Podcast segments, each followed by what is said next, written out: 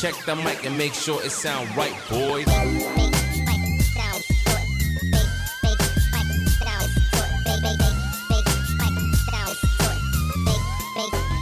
It sound right, boy. Three, two, one.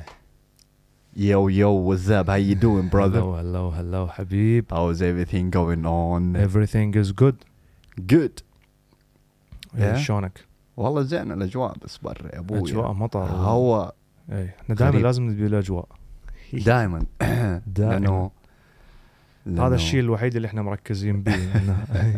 لأن متغيرات هواية. إيه متغيرات وايد هنا في السويد الأجواء. يوم إيه. يوم شمس يوم آه، ثلج يوم مطر يوم ثلج ومطر مع بعض يوم آه، الجو خيالي تبغى بس تتمشى.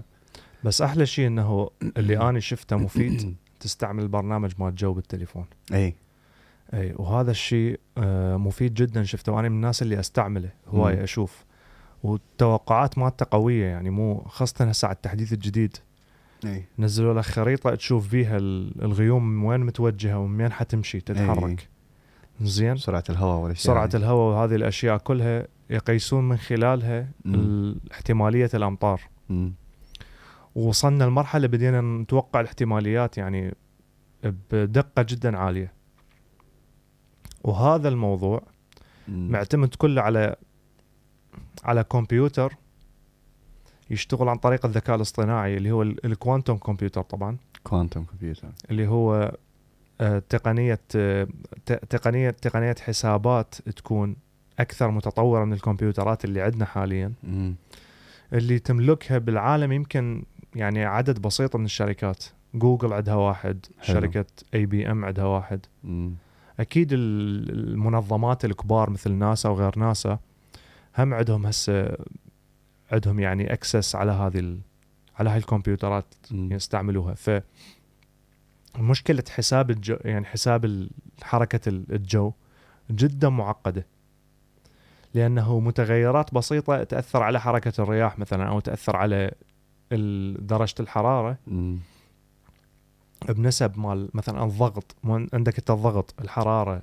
حركة الرياح الرطوبة هاي كلها تأثر فيراد أنت ذني كلها تدخلها المعلومات بالكمبيوتر والكمبيوتر يطلع لك الاحتمالية من حتتحرك ال- الرياح وهذا الشيء يحسبه برنامج اللي هو معتمد على الذكاء الاصطناعي واللي هي موضوع حلقتنا مال اليوم إنه. راح نحكي على الذكاء الاصطناعي الذكاء الاصطناعي. أي. يا سلام. أي آه أنا بالنسبة لي تعرفني مهتم موضوع التكنولوجيا. أي. ف جدا هذا الشيء يعني مشوق بالنسبة لي. وأعتقد حيكون يعني هو حيكون العالم متوجه لهذا بهذا الاتجاه. مم. هو أصلا توجه بأغلب من أغلب ال... الأشياء اللي قاعد نستعملها بحياتنا اليومية بس إحنا ما نحس بيها.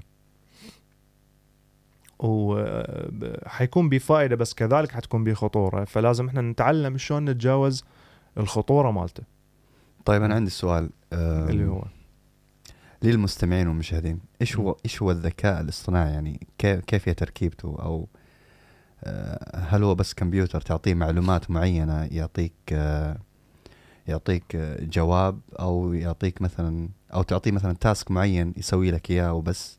شوف الذكاء الاصطناعي هو مو مو الكمبيوتر نفسه هو مو مو ال- الشيء الإلكتروني هو. البرنامج اللي يشتغل على الكمبيوتر أوكي مثل ما أنت تجي على إنسان عاقل واعي زين وتجي على إنسان ثاني ممكن معاق منتهي يعني ما عنده أي خلينا نقول خلينا نقول مو مو معاق خلينا نقول إنسان داخل بغيبوبة okay. تمام. اثنيناتهم عندهم دماغ واثنيناتهم جسمهم شغال بس اللي عنده غيبوبة شلون كأنما البرنامج مالته مو شغال. بس الجهاز موجود حلو فمثل التشبيه. ما أجي مثل ما أجيب لك اني كمبيوترين واحد ما منزل عليه أي مشغل. أو أي system والثاني أنت خليت بيه system متطور بالنهاية من ترجع الكمبيوتر هو نفسه بس البرنامج اللي بهالكمبيوتر يختلف عن البرنامج الثاني حلو فالذكاء الاصطناعي طبعا أكو اعتماد على الجهاز نفسه طبعا لأنه إذا عندك جهاز بطيء ما راح تقدر تشغل عليه برنامج بوظائف متعددة مم. حسابات خلينا نقول حسابات تمشي كلها بالتوازي. إي. زين؟ إي. الكمبيوترات القديمة يسوي شغل شغلة واحدة بس ما يقدر يسوي أكثر من شغلة بنفس الوقت. الكمبيوترات الحديثة لا. قام ال processor نفسه يعالج معلومات مم. مختلفة بنفس الوقت. فهنا عندك الذكاء الاصطناعي. ها شافوا فرصة انه نقدر نسوي هذا الشيء. تمام؟ بس الذكاء الاصطناعي بنوعيتين. بنوعية يسموها ال automation. اللي هي بالعربي الأتمتة أو هيك يسموها. آه، اللي هي مثلا يعني مثلا تعطيه معمل. آه خلينا نقول مال مشروبات غازية فعندك حلو. جهاز يعبي العلب بكمية معينة ويكرر العملية بدون ما يوقف إنسان ويباوع ويطفي ويشغله ويطفي. ويشغله لحد ما يتعبى إيه. فأنت تبرمجه حتى يجي يعبي ويرو- ويروح اللي وراها ويكون والبعدها بنفس والبعدها الطريقة للفترة اللي هم يبغوها يعني. نفس طريقة التعبئه نفس طريقة نفس الكمية الطريقة. هذا هذا ينطيك سهولة بالحساب. ما يحتاج أنت تخلي إنسان واقف حتى حلو. حتى يشوف الأمور بعينه. بريسايسلي بالحرف يعني جيب لك يعني- حرفيا. وين؟ إي. على على على الملي لتر خلينا نقول. حلو. زين. وكذلك إحنا ما ننسى إنه الانسان أكو مشكلة إحنا بدماغ الإنسان مم. اللي هو أكو مؤثرات خارجية تأثر بيك مثلا أنت تكون تعبان ما راح تقدر تحسب تمام كل. مرة ما راح تقدر تجيبها مضبوطة أو مثلا الخبرة. أو مثلا التدريب المستمر زين إذا واحد عنده قلة بالتدريب أو بالخبرة احتمال راح يغلط بالمرة الجاية أو. حينسى فإحنا معرضين للنسيان معرضين للتأثيرات الخارجية. زين الجهاز ما له أي علاقة بالموضوع إذا مم. أنت منطيه كهرباء منطيه استقرار إلا إذا صارت مشكلة بالبرنامج طبعا مم. بس هذه بأغلب الأحيان ما تصير. هذا ما يعتبر ذكاء اصطناعي اللي, حلو. اللي شرحت لك اياه هسه هذا يعتبر automation automation تمام. زين. فهمت. تمام. الذكاء الاصطناعي هو هم مدروج تحت موضوع ال automation. بس على أكثر معقد. okay. زين. يعني هو هم قاعد ياخذ أمر من عندك وينطيك نتيجة. تمام. زين. بس على على مراحل من التعقيد. مثلا خلينا خلينا نجيب على موضوع العلب اللي تتعبى. بالغاز. مثلا أنت قلت له العلب اللي لونها أزرق عبي لي اياها بهاي الكمية العلب اللي لونها أحمر عبي لي اياها بهاي الكمية. Okay. فأنت إيش حتحتاج؟ حتحتاج كاميرا تشوف الألوان مم. وتأخذ المعلومة هاي وتطبقها على كمية التعبئة. مثلا قد بعدين زي أنطيته فد. فد data ثانية خلينا. نقول لك مثلا حجم العلبة. إذا زرقاء وحجمها كذا عبيها بهاي. الكمية. وإذا حمراء وحجمها كذا زين. فأنت صار عندك كم متغير؟ العلب زائدا اللون زائدا الحجم. حلو. بعدين مثلا تجي الشكل مثلا. بعدين تجي هاي كلها من تكون مثلا عندك فد خلينا نقول ألف متغير. فهذا حيعتبر ذكاء اصطناعي. صار البرنامج لازم يحسب وبدقة يتوقع الأشياء. أكيد أنت كل ما تزيد الاحتماليات كل ما تزيد نسبة أنه يصير خطأ. أي. مثل دماغ الإنسان. مم. بس الأخطاء حتكون على أقل. Okay. فعندك إنه الشيء الملموس اللي حاليا نستعمله بحياتنا العادية من الذكاء الاصطناعي سيارات السيارات الح- الحديثة مثلا تسلا السيارات مم. الكهربائية اللي هي بها سياقة آلية. مم. أنت احسب هو هم يعني يعتبر automation لحد الآن ما يعتبروه ذكاء اصطناعي يعتبروه automation. يعتبروه أنت فد شي انطيته أمر وقلت له سوي هالأمر. حلو. بس الشارع كم متغير به آلاف المتغيرات. زين. اي يعني مثلا دخلة أو construction قاعدين يحفروا في مكان أو عافية. اي في تغ- تغيرات دائما تصير في الشارع. بالشارع. فأنت هاي المعلومات لازم كلها تنطيها للكمبيوتر. تمام. أو شو وقت حيعتبر ذكاء اصطناعي؟ لما أنت تخليه يتعلم متغيرات. هاي بدون ما أنت إيه. تعطيه. إيه. هنا صار ذكاء اصطناعي. وهذا ال- اللي قلت له ال communication اللي يكون ما بين ال ما بين ال ما بين السيارات. السيارات أو ال system الموجود فيهم. اللي وحدة تعلم الثاني مم. أو أكو طريقة ثانية اللي يستعملوها حاليا أيوه خلينا نجيب على على شيء أبسط مم. أنت تريد تصنع برنامج مم. توريه صورة اي وتقول له هل هاي مثلا قط أم كلب تمام تمام تعرف أنت أنواع القطط والكلاب مختلفة يعني إحنا مم. مرات انت أنا جربتها ويا ابني طفل شوفته كلب صغير وكذا قال عليه كات قال أي. عليه إنه قط وكذا مم. زين أه ومن اشوفه مثلا صورة كلب واضح حيعرفه مباشرة أو قط واضح حيعرفه مباشرة أي. يعني بس لما تشوفه مثلا كلب شكله صغير وكذا مم. فهو عقله رابط حجم ال- الحيوان. بنوعيته تمام ما يقدر يميز إنه يدخل بالتفاصيل ال- العميقة إنه عينه كذا الانف كذا أو الصوت إذاناته كذا إي. زين شكل راسه مم. الكمبيوتر نفس الشيء إذا تريد يتعلم مثل البشر بالضبط تريد يتعلم يميز ما بين الصورتين. مم. لازم تغذيه بكمية صور مختلفة للكلاب والقطط. مم. وأنت تقول له هذا كلب هذا قط هذا كلب هذا قط. خلينا نقول فد 10000 صورة مختلفة بوضعيات مختلفة اي بزوايا مختلفة تمام؟ اي فبعدين ما راح تشوف الصورة ما شايفها أساسا. فعن طريق المعلومات اللي أخذها من من الصور من كمية الصور اللي أخذها اي راح يوصل لاستنتاج إنه هذا قط أم كلب. مم. زين؟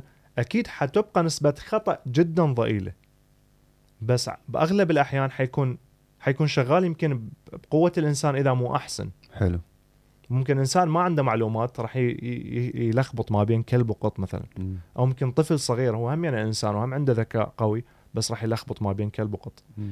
نفس الموضوع ينطبق على السيارة أنت تشوفه مثلا خلي أجيب لك مثال سيارتي بيها آه، بيها سواقة آلية مم. تمام. بيها قفل سرعة هو قفل سرعة موجود بأغلب السيارات ما ما فوق ال 2006 يمكن مم. قفل سرعة إنه أنت تقفل السرعة تخليها ماشية بسرعة معينة حتى أنت ترتاح مو دا- داعس برجلك. يعني على البنزين و...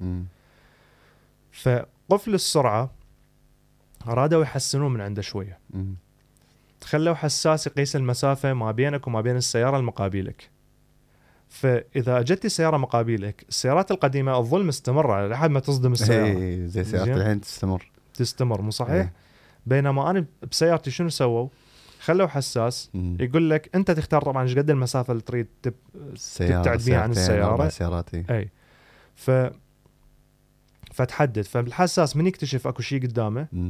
راح يبطئ السرعة مالته حتى يوصل ثابت لحد ما أنت تتجاوزه بنفسك مم. زين بعدين قال لك إحنا نضيف شغلة ثانية للأمان وللراحة. السيارة تثبت نفسها ما بين الخطين. حلو. المشكلة بهالموضوع وين؟ إذا الشارع الخطوط مالته مو واضحة أو إذا ثلج أو إذا كذا ما يشتغل تمام. أو ما يشتغل أساسا. طلع لي. إشارة إنه أمسك ال- أمسك ال- الدركسون. الدركسون اللي إحنا نسميه ستيرن بالعراق. ستيرن المقود يعني. تمام؟ المقود. ف... فتطلع لك هاي الإشارة. بالتسلا الحلو بالموضوع إنه السيارة ما مهتمة بالخطوط.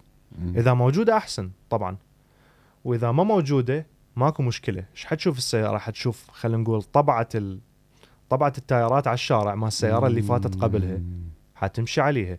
الأكثر حتشوف الأشجار والطريق وحتمشي بين ذني الأشجار. يعني ما راح تروح تطلعك من الطريق أو تصدمك بشيء اي فتمشي على على المنطقة على الميلان حق الشارع على من, بالضبط. من كل من كل الجهات يعني مثلا تشوف الأشجار مايلة جاية على اليسار أو على اليمين فتمشي على هذا الشيء تمشي على فهي معلومات كاملة يعني معلومات أكثر من معلومة يعني مم. معلومة إنه مشي اللي هو الطبع حق السيارة معلومة إنه مثلا في ميلان باين مع مع الأشجار فصورة كاملة تأخذها الموضوع. صورة كاملة مثلك أنت أنت هسه من تجي السوق إي إذا نازل ثلج والشارع كله متغطي ثلج مم.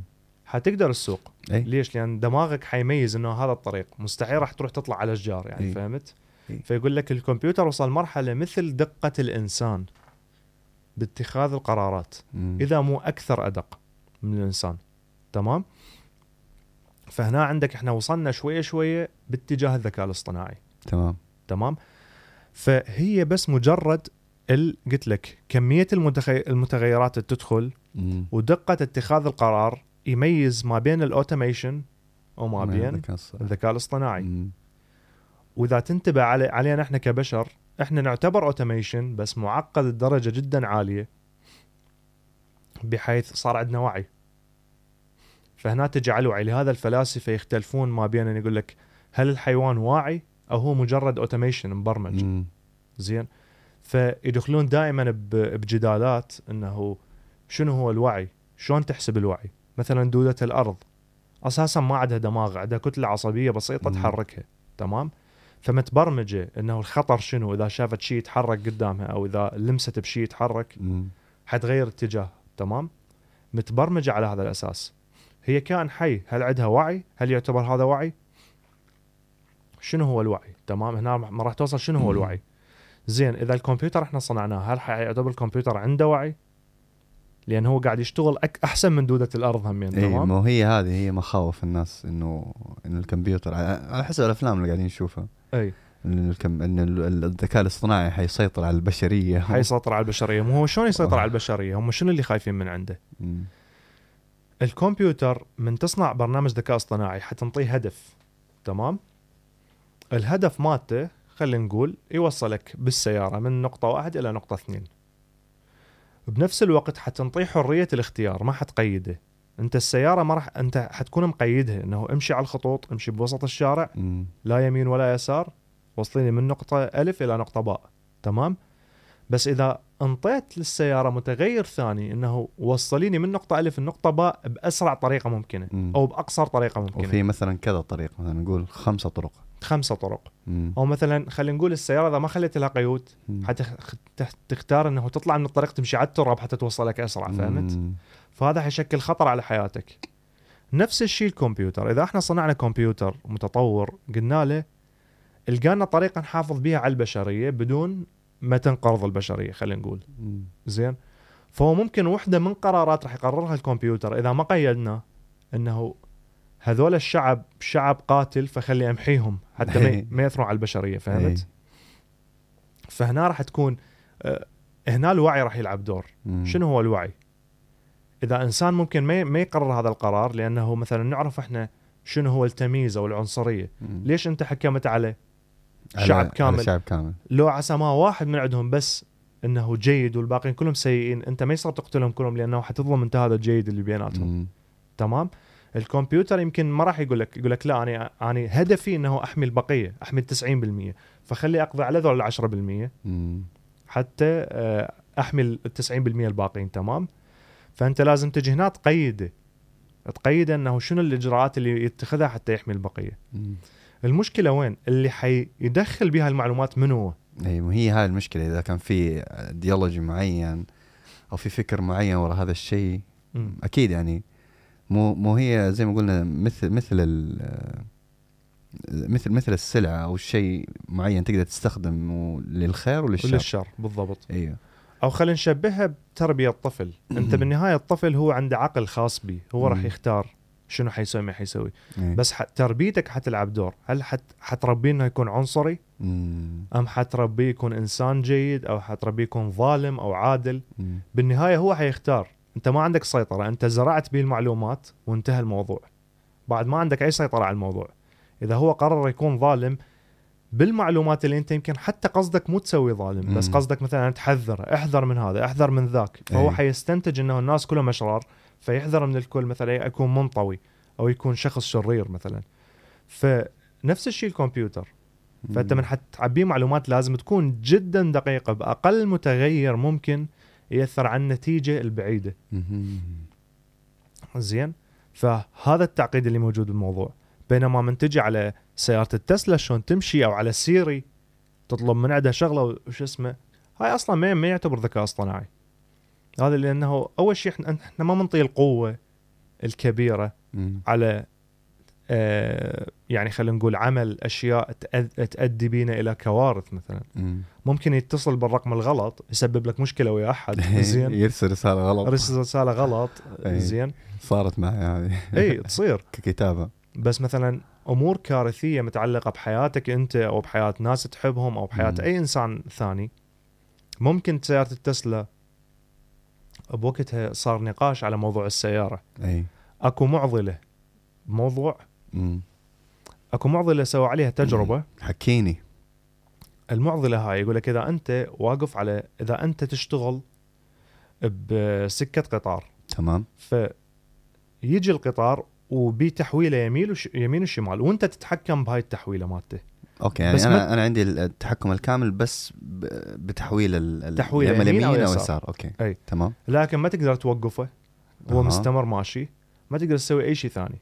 بس بس أغير المسار. بس تغير المسار. هذا تحشير شغلك. هذا تحشير صح. هذا شغلك. تمام؟ طيب. اعتبر هذا الشيء هي بس مجرد إيه. فكرة. اي فيقول لك واحد من الاتجاهات مثلا خلينا نقول اليمين واقفين عليه خمس عمال بناء. أوكي. ومنطين ظهرهم القطار ولابسين السماعات وما قاعد يسمعون أي شيء. وبالسكة الثانية طفل دا يلعب. زين؟ مم. فأنت هسه هنا حتجي تختار. لازم تضحي بواحد من ذول المجموعتين. وما عندك أي اختيار ثالث. صعب صعب. زين. القطار إذا ما سويت شيء خلينا نقول متوجه للطفلة. مم. زين. وإذا أنت غيرت تقدر بس حتغل... تغ- تخليه يتغير على العمال. أي. زين أنت هنا راح تتخذ قرار متعلق بحياة عمال خمسة أو طفلة. مم. فأنت منو حتختار؟ تنقذ. إذا قلت أنا ما أسوي شيء خلاص. حيروح الطفله. حتموت. ما هي أديك موضوع إذا الاختيار. سويت شيء معناها أنت قتلت الخمس عمال. أنا أديك موضوع. الاختيار متى حيكون تعرف؟ حيكون في اللحظة اللي اللي اللي أنت عارف بالثانية. تكون خلاص يعني ما بين إنه "أوه، لا لا لا روح يمين يسار. أوه". هي هذه عرفت كيف؟ أي. ف... فهنا يدخل فيها المشاعر يدخل فيها الخوف يدخل فيها يدخل فيها أشياء جدا كثيرة.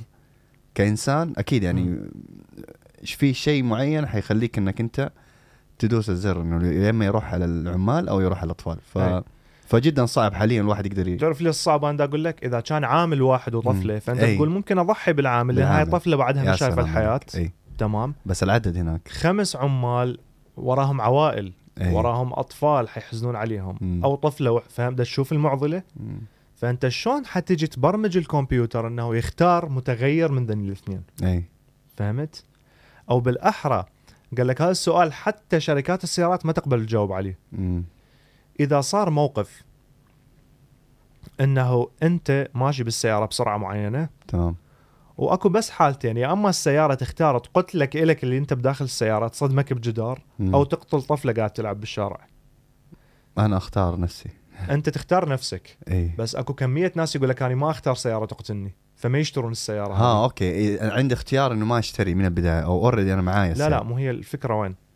أبو شركة السيارة ليش ما يريد ما يريد يقول لك إنه هل السيارة حتختار تقتلك آه. لأن إذا قال لك إنه أنا راح أبرمجها إنه تقتلك أنت وتنقذ حياة واحد ثاني ممكن تقول لعداني ما أشتري هاي السياره إي. فراح يخسرون الشركة. إي. زين؟ أو ممكن يقول لك اني يقول لك راح أختار أقتل واحد شو اسمه. أكو مجموعة ثانية راح يقول لك لا أنا مستعد أضحي بنفسي لأجل الناس. فهم راح اشتري السيارة فهمت؟ إي. فأكو معضلة لأنه الناس مقسومين بالوسط. نص يريدون يضحون بنفسهم مم. والنص الثاني يريدون يريدون يحافظون على حياتهم تمام؟ حلو حلو. فحتى انسأل إيلون ماسك اللي هو صاحب شركة تسلا هالسؤال. إيه. فقال إنه هذا الشيء مستحيل يصير. قالوا لا مو مستحيل. إنه مستحيل إنه هذا إيش قد احتمالية إنه يصير هذا الموقف إنه يا أما يقتلك يا أما. شيء جدا بسيط. وثاني شغلة إحنا ما راح نخليها تت تتبرمج على شيء معين. راح نخليها تختار شيء عشوائي. فهي إشكالية الناس إنه السيارة لما تكون ماشية بتحكم بتحكم ال AI نسبة الحادث الحادث تكون فيها كبيرة؟ أي. أي. فهو فالناس يعني يقول في نسبة كبيرة حتكون وإيلون ماسك يقول لا النسبة ما هي كبيرة يعني النسبة هي يقول لك يقول لك إنه احتماليه يقول لك هذا السؤال سخيف لأنه مستحيل يصير بالحقيقة وإذا okay. صار فاحتمال مرة بال 20 بليون تمام مهم. بس بنفس الوقت ما راح نبرمج السيارة إحنا تختار شيء معين راح نخليها تختار شيء عشوائي إذا مم. صار هذا الشيء زين بس هم يعني نرجع نقول إنه أنت كإنسان ما راح تختار بعشوائية إذا أنت كنت المتحكم بهذا الموقف اي يعني تحكم عقلك وتختار الأقل ضرر اي تمام. مو طيب لو نحن تكلمنا عن يعني مثلا الآن واحد قاعد يسوق وجات له سكتة قلبية مثلا أو أو إحنا كإنسان يعني من دون أي تحكم أي. جات لك سكتة قلبية فهذه النسبة برضو ضئيلة يعني تعتبر اي. تعتبر نسبة ضئيلة طبعا اي اي فهي من نف... هي كلها تندرج بنفس هاي الخانة مال إنه الكمبيوتر شنو حيختار مم. أو شلون حيتصرف تمام تمام ف فأنا أشوف إنه. والله ما أقدر أجاوب على السؤال صراحة صعب- هي. معضله اي أنا اردت أقول إنه أشوف إنه طريقة العشوائية هي أحسن شيء. لأنه طريقة إنه بالحالتين حتكون خسائر. مم. أو ممكن نخلي الكمبيوتر يج- يجي يقيس يشوفك أنت اللي بداخل السيارة هل أنت مستحق تعيش أم هذا الشخص؟ مثلا مثلا. اي مو مو, مو أنت تريد؟ مستحق تعيش. هذا خليه إي، يلا خلي يموت. هذا على مود الطفل هذا تمام اي فمنو قال لك إنه الله أعلم منو قال لك إنه الطفل أصلا ما بيه مرض وحيموت بعد شهر مثلا إي، فهمت إي. ف... فقلت لك الموضوع معضلة جي... جدا عالية مم. هاي المعضلة اللي ما قاعد يقدرون علماء الذكاء الاصطناعي يحلوها. طبعا أنا أنصح أي واحد أكو واحد هم عنده بودكاست اسمه ليكس فريدمان. هو بروفيسور بموضوع الذكاء الاصطناعي حلو. هو هذا مجاله. تمام؟ حلو. الحلو إنه يلتقي بناس بنفس عقليته تقريبا. مم. حتى حيلتقي قريبا بمارك زوكربيرج أبو فيسبوك يعني. مم. فحتى كتب على علامات الإنستغرام إنه أنطوني الأسئلة اللي أسأل اياه إي. كذا. فهو يتطرق لهاي المواضيع بالتفاصيل. حلو. مواضيع الأخلاقيات مم. الأشياء اللي داخلة بالذكاء الاصطناعي. زين؟ ف فأنصح أي واحد إذا مهتم بهذا الموضوع إنه يتابعه لأنه يتعمق أكثر من من عندنا أو عنده خبرة أكثر من عندنا بمراحل إي بس أنا بالنسبة لي أنا هذا حبيت الموضوع حتى حبيت إنه ادرسه كدراسه. أه وإن شاء الله راح أسوي هذا الشيء يعني مستقبلا احتمال راح يعني أدرس الموضوع هو احتمال. وأتعمق هو, هو. ترى مستقبل يعني الذكاء الاصطناعي حيكون أنا من من الآن قاعد أدخله بحياتي أي. يعني من الآن بس مو الذكاء الاصطناعي خلينا نقول ال automation automation الشيء اللي أبسط. مثلا المصابيح اللي بالبيت عندي ذكية.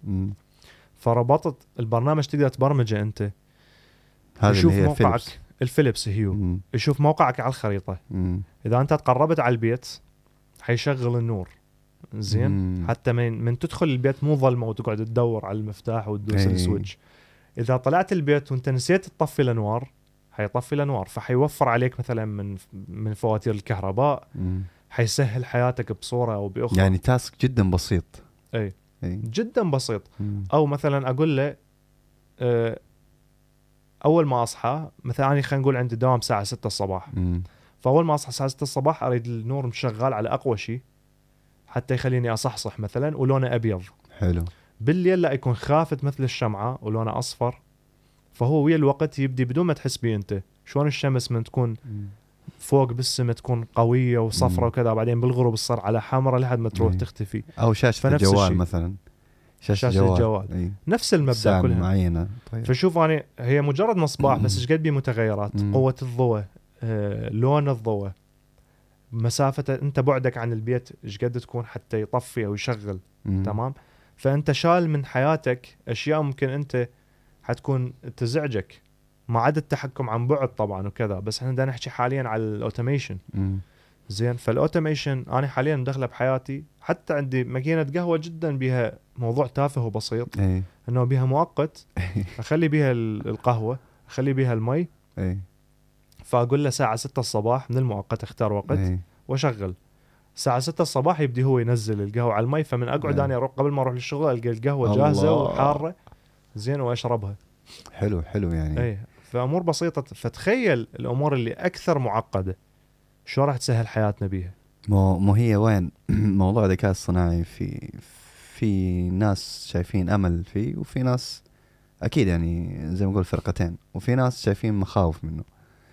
آه زي ال زي مثلا الان الأفلام اللي قاعد تتابعها في النتفليكس شنو أي. حيصير وال والذكاء الاصطناعي طبعا حي حي حيتمرد. حيتمرد أيوه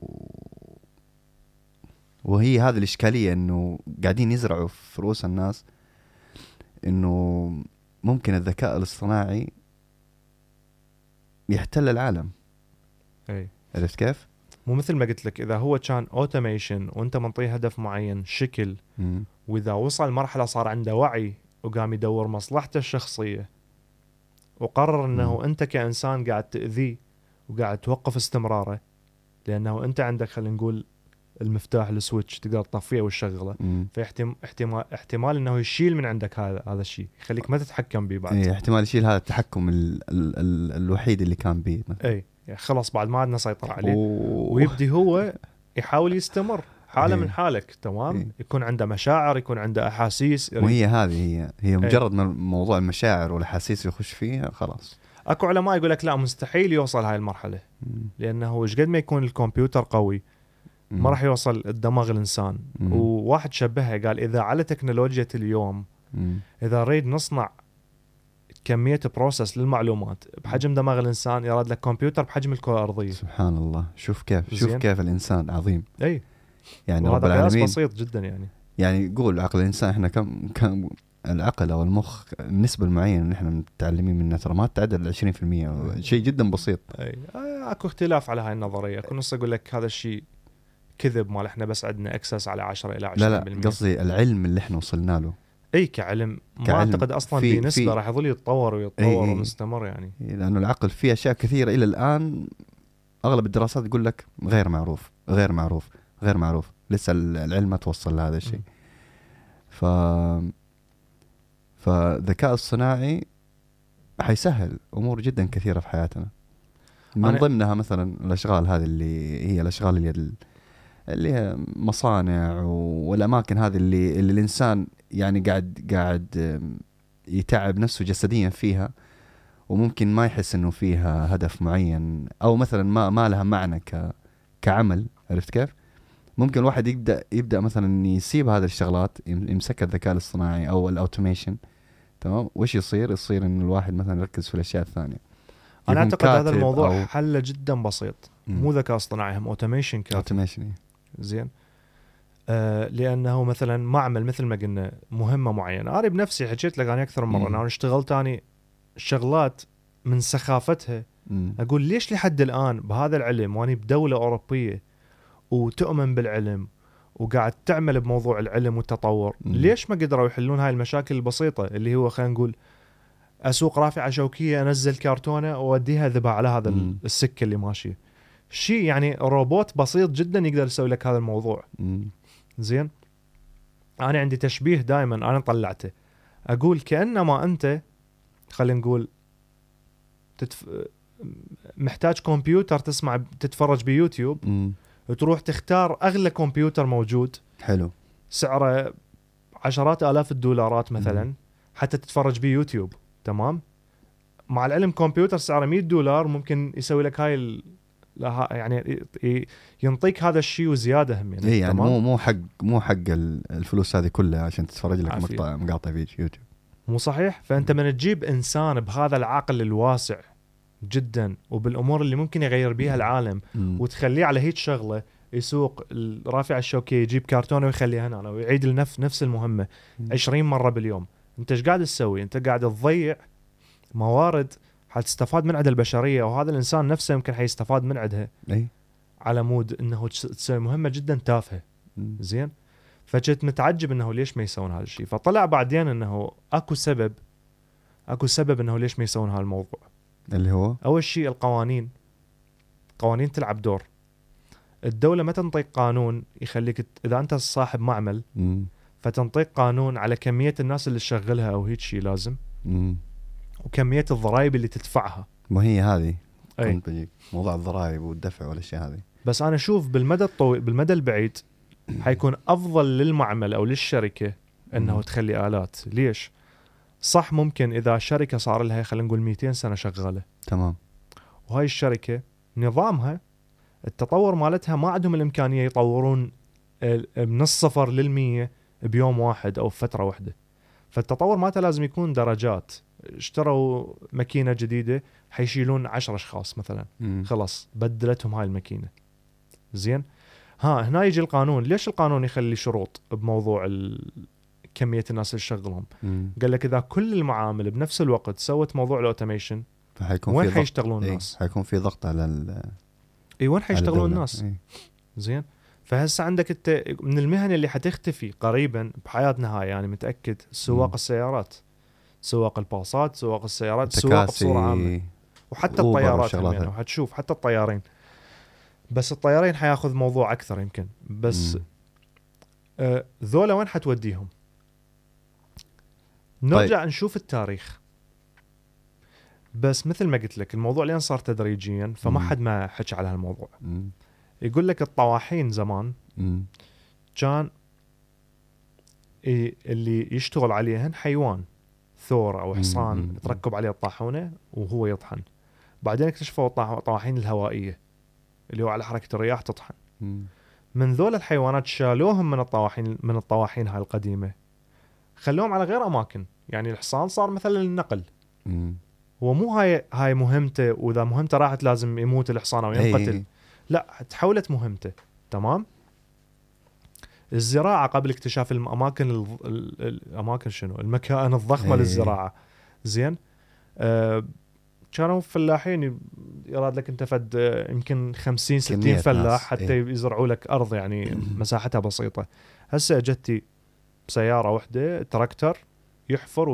ويزرع مثلا أو يحصد يعني نقول زين. شخصين ممكن مش أو أو نقول أربع أشخاص ماسكين حق 50 واحد مو صحيح إنه إيه. السائق اللي بالتراكتر كذا زين فأنت بس ليه الموضوع صار تدريجي ما قمنا نفكر به هذا ممكن خسر شغله ظل يدور له لقى له شغل ثاني. زين بس إذا موضوع التطور صار بسرعة بحيث إنه أنت شلت 5000 عامل وبدلتهم. دول ال 5000 بهذه اللحظة مم. لازم الدولة تعيلهم تمام؟ إيه. لحد ما يلقون شغل جديد. زين الموضوع راح ياخذ وقت. وين راح توديهم؟ ما راح توديهم الأماكن لازم هاي الأماكن تكون محتاجة موظفين. زين؟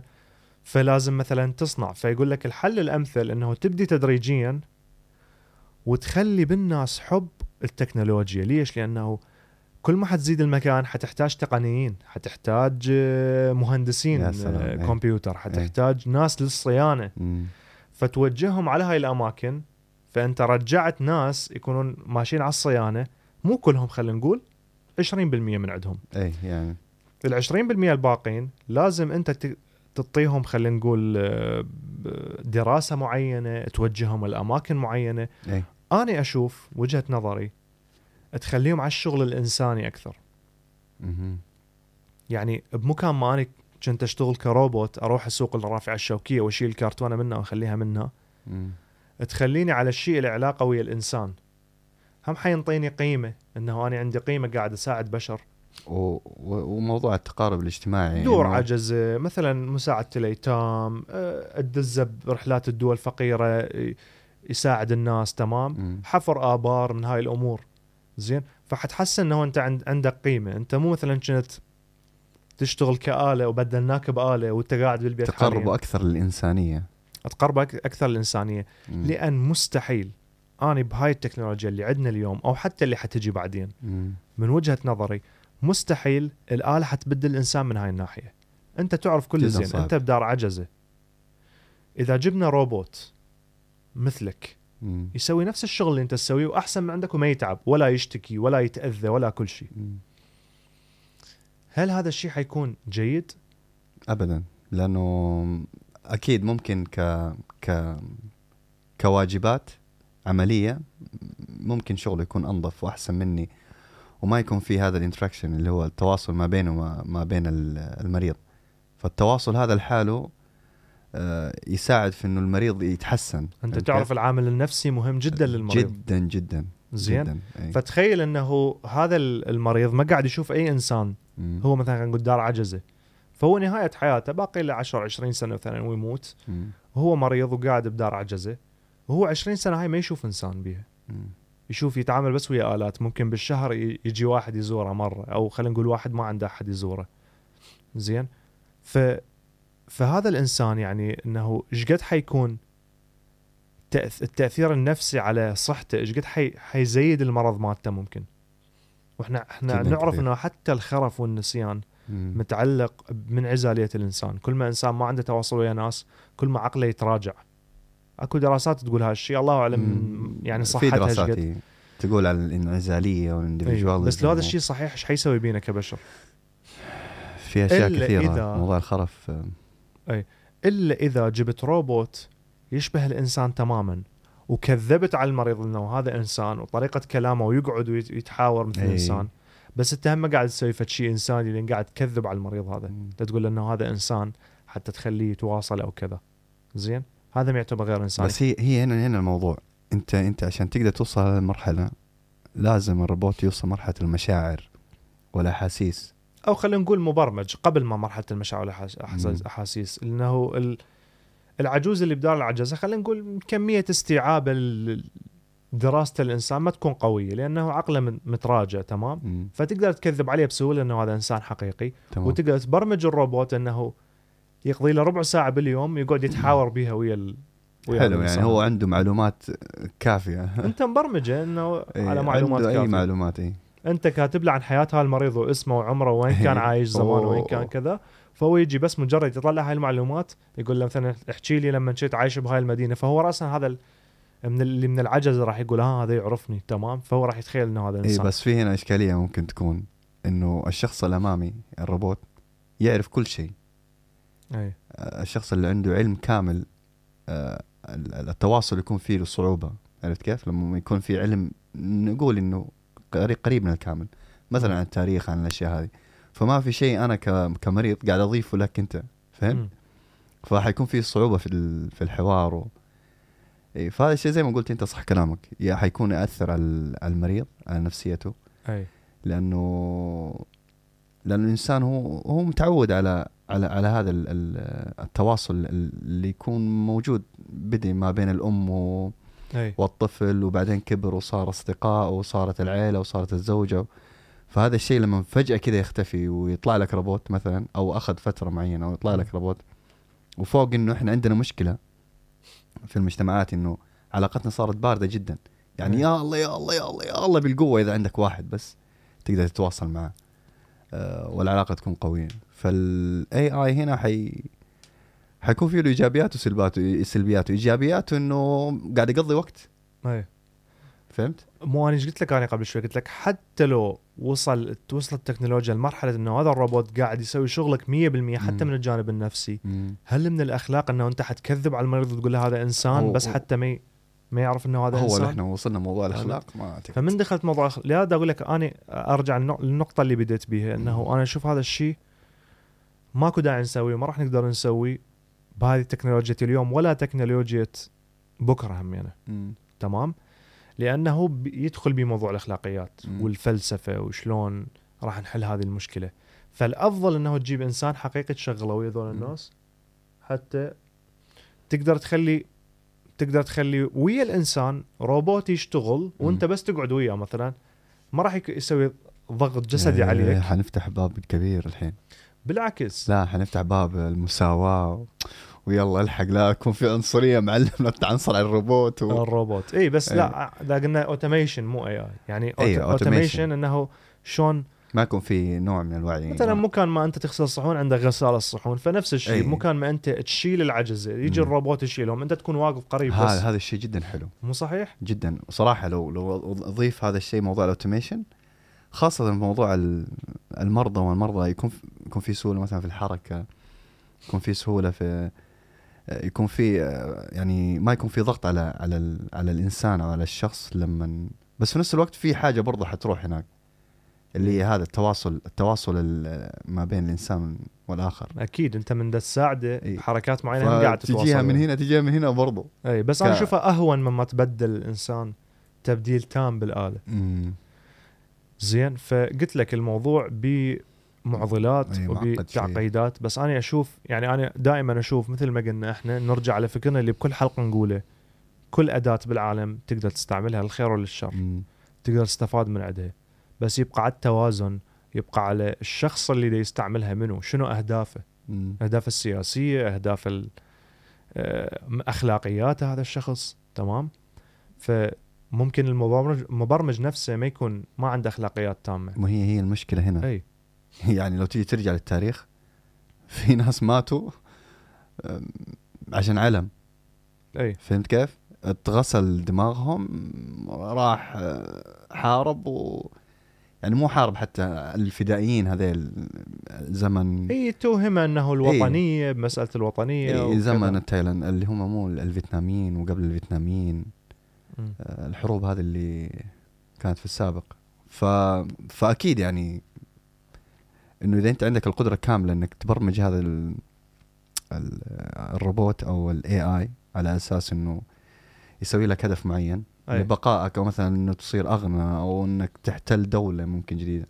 أي. فالشيء فالمخاوف اللي أنا ممكن تواجهني صراحة موضوع ال- ال- التدخل السياسي أي. في الموضوع. فتخيل أتخيل يكون عندك جيش كامل جيش كامل من الروبوتات. ما يهمك إن شاء الله يموت مليون يروح إيه. يقاتل آه، دولة. والدولة هذه ما هي واصل للتطور هذا. منو قال لك هذا الشيء ما قاعد يصير حاليا؟ إي. قاعد يصير. هو قاعد يصير موضوع الطيارات و... الدرون مثلا الدرونات، إي. اللي أنت تحركها من بعيد. ما هم شنو هم يقول لك إنه okay drone تحركها من بعيد أكو واحد قاعد يتحكم بيها. اي بس لما تبرمجها من تشوفين بهاي المنطقة مجموعة معينة مثلا تقصف الطيارة مم. تمام فعندك هنا المشاكل اللي حتصير لأن الطيارة ما حتميز خلينا نقول ما بين المجموعة إنه هل هم أطفال دي يلعبون أو حتى لو أعطيتها. التقنية حتى لو أعطيتها التقنية الكاملة هي تصير أخطاء حتى عند البشر عند البشر صارت عند البشر إي إي. إنهم إي. أو ممكن هذا الإنسان عنصر يريد يقتل من ذول الناس فيستعمل هاي القوة مالته حتى يقضي بها على أكثر ناس معينين. بعدين يقول لك لا أنا آسف ما كنت اعرف ومن مو. هذا هو اللي زين. ماكو عليه عقوبات قوية. يسامحوه تمام. والموضوع يصير. بس قلت لك بال... بالاله هم حتبقى منو اللي حيبرمجها شلون حتبرمجها وكمية المعلومات اللي حتكون عند هاي الطيارة اللي تقصف شنو. زين. فهاي كلها حتلعب دور. طبعا صوت الهواء عالي. ما عواصف. ادري إذا قاعد شوف إذا حيطلع هو بال... جدا قوي. يطلع بالصوت لو لا. بس طيب سؤال. اسأل. الالينز. زين. لو نزلوا وكان عندنا ذكاء اصطناعي و...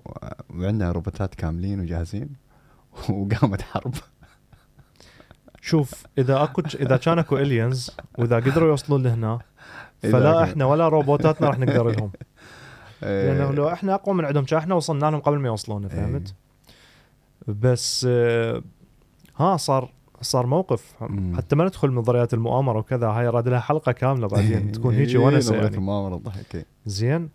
بس يقول لك بالح... بال فترة الحرب الباردة ما بين الاتحاد السوفيتي و... وأمريكا مم.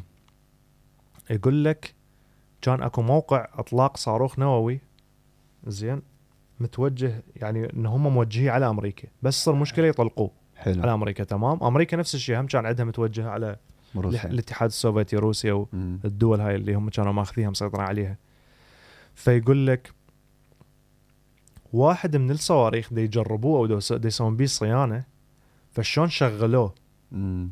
شغلوه حتى يشوفون الحركة مالته هل حينطلق إذا احتاجوه أو لا مم. فيقول لك اجى اجى فشي نور فوق ال... فوق المكان مثل مركبة فضائية.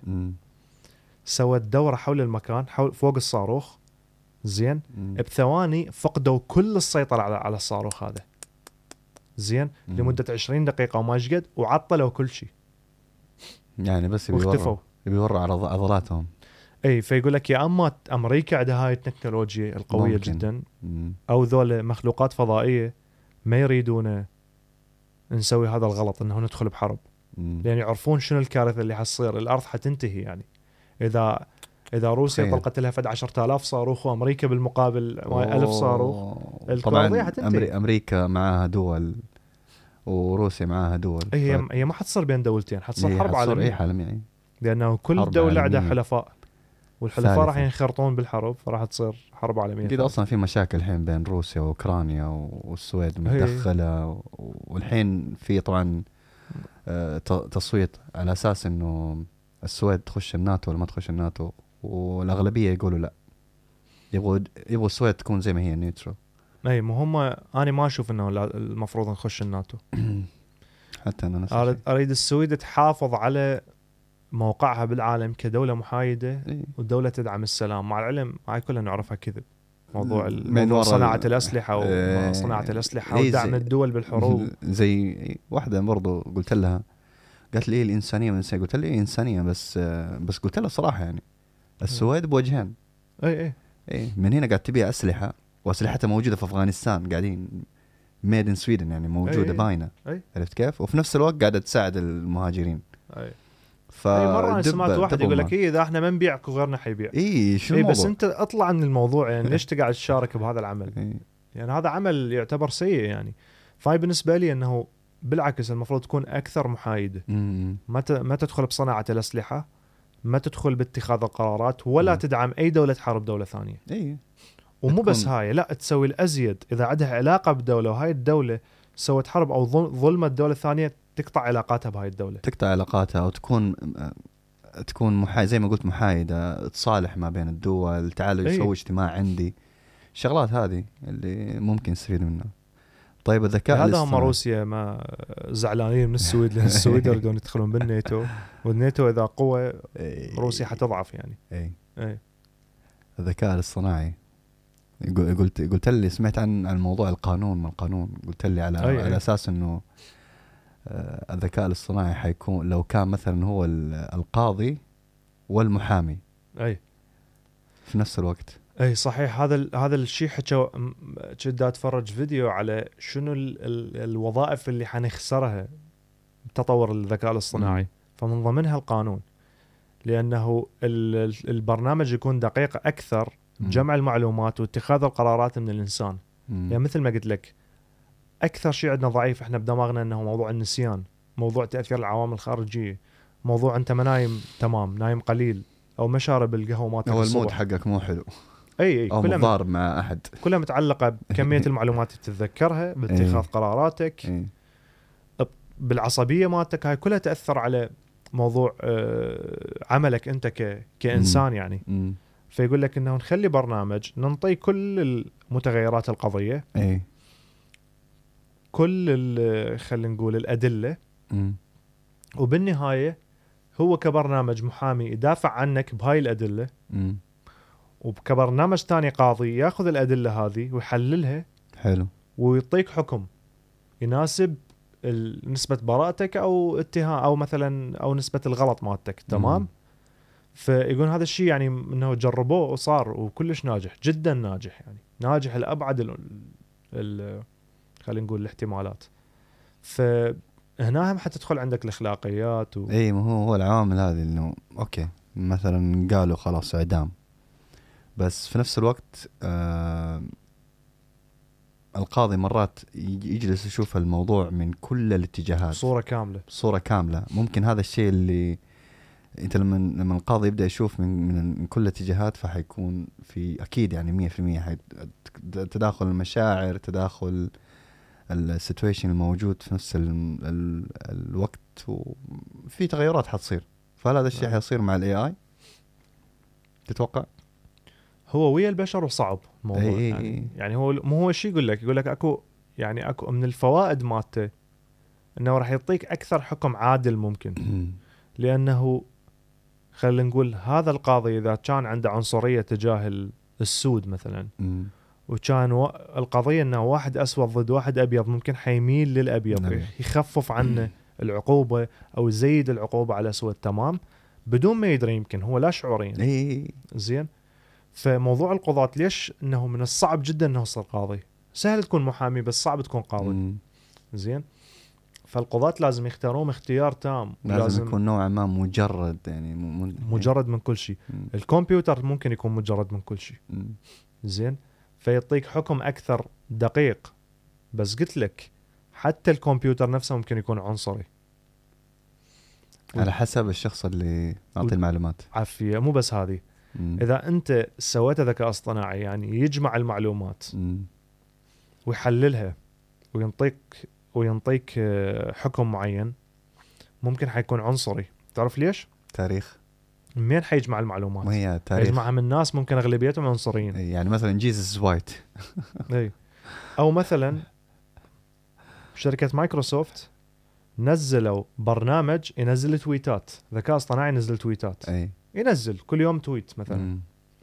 شو يسوي هالبرنامج؟ يقرأ التويتر كله ويركز على حدث اليوم صاير. زي ترند معين اي ترند معين ويعلق على هذا الترند بكلام من عنده يعني. زين جدا ذكي وجدا كان فد شيء interesting إنه واحد مم. يشوفه. فيقول لك بعد شهر قام ينزل تويتات عنصرية. والله. إي والله قام ينزل تويتات عنصرية. معقول شو الموضوع لأن هو من قاعد يجيب معلومات قاعد يجيب معلومات من إيه. جهتين متحاربة مثلا بعضها بالكلام فهو قاعد يشوف واحد من عندهم حيكون منطقي مو صحيح مم. فحيختار واحد من عندهم ويصير مثله زين أو الظاهر هو مو مبرمجي إنه يكون عنده الرأي الخاص به لا مم. هو يكون مايل ويا جهة معينة فمثل ما قلت لك اللي حيبرمجه إنسان مم. وهذا الإنسان هو أصلا متحيز أصلا مم. الإنسان متحيز فحيكون متحيز ال- لجهه معينة فحيسبب لك مشاكل. إيه. ف شيء جدا غريب. فلهذا السبب دا أقول إنه بعدنا بعدنا. يحتاج لنا أكثر. يحتاج لنا تطور أكثر. بس هو التقبل التقبل أصلا حياخذ وقت يعني. صح إنه هو لو بدي تدريجيا حياخذ سنين. أي. وتقبل البشرية له حياخذ برضه فترة طويلة. لأنه على مرور ال- ال- العصور أي شيء جديد بالنسبة لنا كان مخيف. يعني مثلا شفنا الجوالات فيها كاميرا اوه الخصوصية حقها حتروح حتضيع شنو حيصير؟ صار الحين طبيعي. وراها صار طبيعي. واحد عمره خمس سنوات تلقاه قاعد يصور ويلعب و... ومنزل في التيك توك والشغلات هذه. فهو التقبل حيكون حن... حنواجه فيها صعوبات صعوبات صراحة. يعني زي موضوع موضوع آه، موضوع تسلا. مم.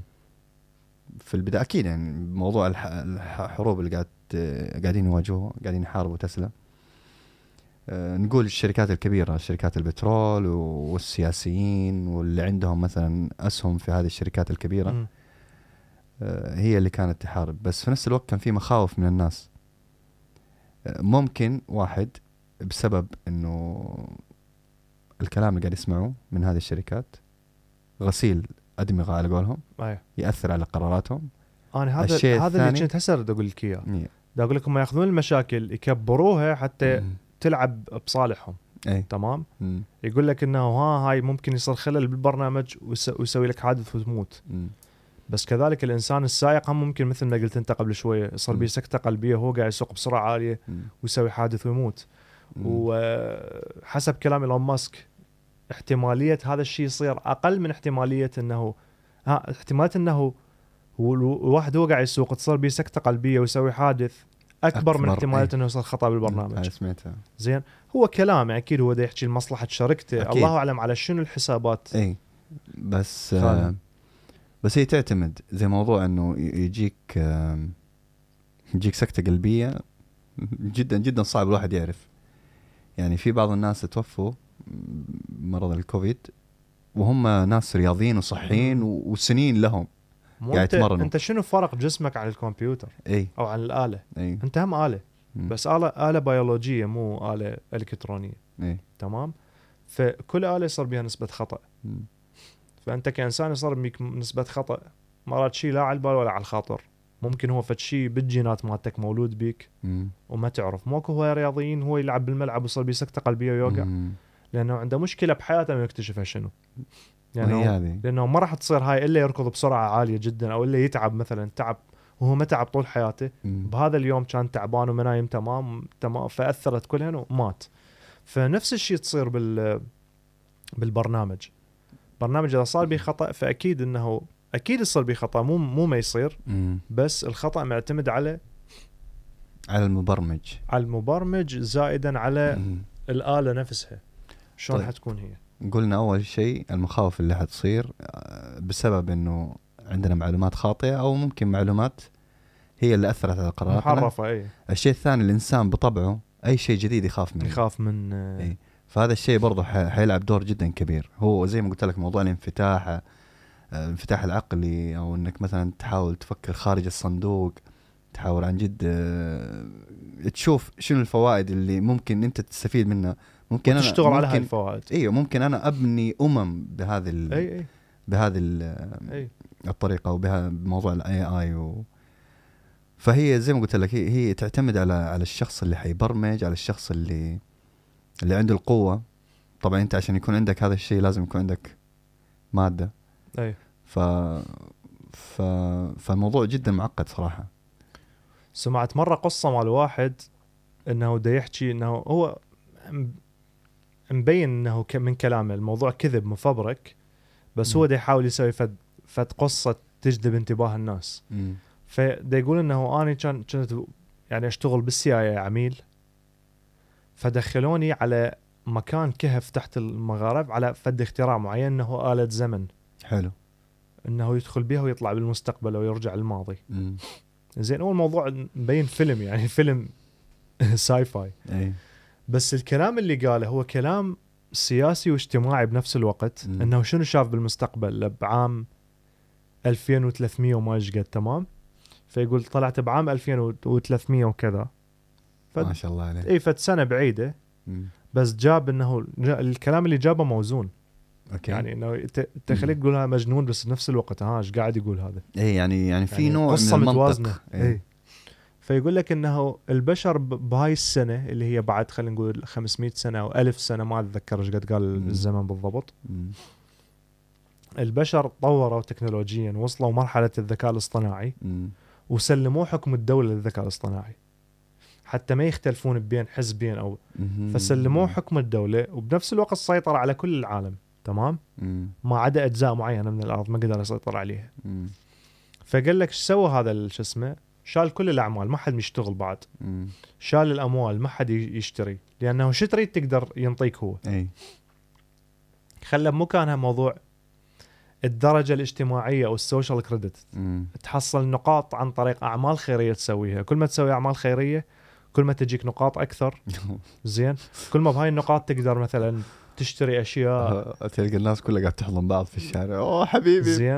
أي. أخبارك؟ أو مثلا العقوبات هم نفس الشيء. من إيه. سويت شيء غلط يفرضون عليك عقوبة إنه تروح تنظف أو تساعد ناس أو إيه، كذا يعني أعمال أعمال اجتماعية. خيرية. فالقصة طويلة جدا ودخل بتفاصيل ودخل ب... وقام يوصف أشياء وكذا. إيه. وحتى مثلا من الجريمه اللي يحكم ال- الكمبيوتر. يعني انطيناه القوة المطلقة مم. بهذا الشيء. ف فإنه أكو هيك أفكار إنه ممكن يسيطر تمام؟ أكو قاعد نشوف الأفلام وقاعد نشوف الهاي. بس ما أتذكر اسم الشخص هذا والله لو أتذكره كان يعني الناس اللي دي يسمعونه هسه ويتفرجونه كان أعطيتهم اسمه يشوفون الموضوع يعني. مم. موضوع جدا آه، شيق كان بالنسبة لي. سمعته وهاي بس نفس الوقت حسيت إنه فيلم يعني. زين؟ مع العلم قاعد ينطي أسماء أماكن حقيقية مم. موجودة وأسماء أشخاص اللي مشتغل وياهم موجودين هم بالسي اي. إنه التقيت بفلان شخص وداني لكذا مكان يعني القصة متناسقة تمام. اي بس زي زي هذه ال ال في فيلم أنا وانت شفناه ما أتذكر إيش اسمه. آه برضه كانت روبوت آه بنت. فواحد كان مسويها على أساس إنه تجربة ما تجربة. اي فكان مطلعها من هي اكتشفت بعدين انه إنه هي مظلومة أو أو وصلت مرحلة ال- المشاعر وبدأت أي. تفهم تفهم انه إنه هم قاعدين يتلاعبوا عليها وإنها زي سليف أي. ومن الأشياء هذه وبعدين جت قتلتهم. تتذكر الفيلم هذا؟ ها ها هذا Ex؟ ما Ex Machina اسمه. أيوه. إكس ماكينه قصته ترى خياليه أي- مع إنها أي. تحسها كده dark بس بس حلوة كانت. اللي ما شايف هالفيلم لازم يشوفه خيالية خيالية Ex صراحة. Machina E X M A C H I N A Ex Machina مم. آه، بنتفليكس موجود. إي ما ما احرق على الناس اني بس هو. الفكرة مالته جدا حلوة. يشوفوه أحسن. فهو كل مبدأ الفيلم إنه قاعد يحكي على اي اي إنه أنت. أعطيته مشاعر. إي وبعد كذا أنت تتفرج. المشاعر. وهو شنو حيسوي شنو حيسوي؟ المشاعر؟ أنا حركته بس يلا. إي. بس اللي وقلت لك هاي هاي من أكبر أمور الأخلاقيات اللي دي يناقشوها. إذا أعطيناه مشاعر حيكون أكثر متطور طبعا مم. وحيتخذ قرارات أكثر صائبة بس بنفس الوقت حيكون مظلوم لأن إنه أنت هو ما اختار يكون عامل إلك أو خادم مم. مم. بعد ما انطيته المشاعر فهمت؟ إي مو هو حيبدأ ما دام أنت أعطيته مشاعر حيبدأ يفرق ما بين الظلم و إي ليش أنا أخدمك؟ ليش ما أنت تخدمني؟ إي. فهمت؟ فراح تصير موضوع المساواة. روبوت كذا تروح تجيب له وجبة ماكدونالدز. تفضل يقول. يقول أسيطر عليهم أحسن. أو أنهيهم من الوجود. انتهى الموضوع. ليش أنا متعب راسي بناس تدور وياي challenge وكذا؟ أقتلهم من النهاية وينتهي الموضوع. فهاي الموضوع اللي تخيل الروبوت تجيب له وجبة بال USB. تشبك لي في راسه شنو طلبت أستاذي؟ إيه. تشبك لي إياها. وين الشطة يا معود؟ ارجع تعال رجع فلوسي. لحظه مشاكل خل دي. ابرمج لك شطة. إيه، إحنا من الحين قاعد نتونس عليهم. اي شفت؟ هو يعني العنصرية ضد الروبوتات. ف اي ف وإذا ما انطيته المشاعر حي حيتخذ قرارات بصورة بالنسبة للبرنامج هي تكون أكثر منطقية. وحينظلم طرف معين أو حي. فلهذا قلت لك الموضوع يراد له أكثر طيب أتخيل إنه أعرف الذكاء الاصطناعي بعد ما إحنا وصلناه مرحلة إنه إنه أعطيناه مشاعر أعطيناه كل المعلومات اللي الإنسان وصل لها. من من آلاف نقول عندنا معلومات مثلا نقول من كم ألف. من 2000 سنة نقول إي. من 3000 سنة بعض المعلومات اللي اكتشفناها وأعطيناه إياه وطلع يبدأ يخترع أشياء جديدة تفيد البشرية اختراعات يعني يحل. موضوع الكوانتم إي مو مو هذا اللي دا يصير حاليا. إيه، يحل لك يحل لك المشكلة هذه موضوع الكوانتم اللي هو آه، موضوع ال- الوعي والتغيرات اللي تصير في الاتوم. نظريات جديدة قصدك نظريات إيه. إي. هم هذا اللي يريدون يوصلوا له حاليا أنت كل الاكتشافات هسه أنت اللي قاعد تصير هي معتمدة على ال- الأجهزة. كل الاكتشافات.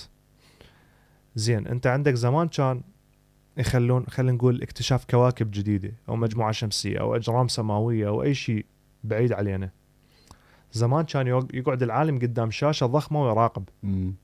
شاف هو حافظ الموضوع كله فشاف هذا الشكل جسم جديد ما شايفه قبل فيدخلون عليه أكثر بالتلسكوب يشوفون حركته شلونها مم.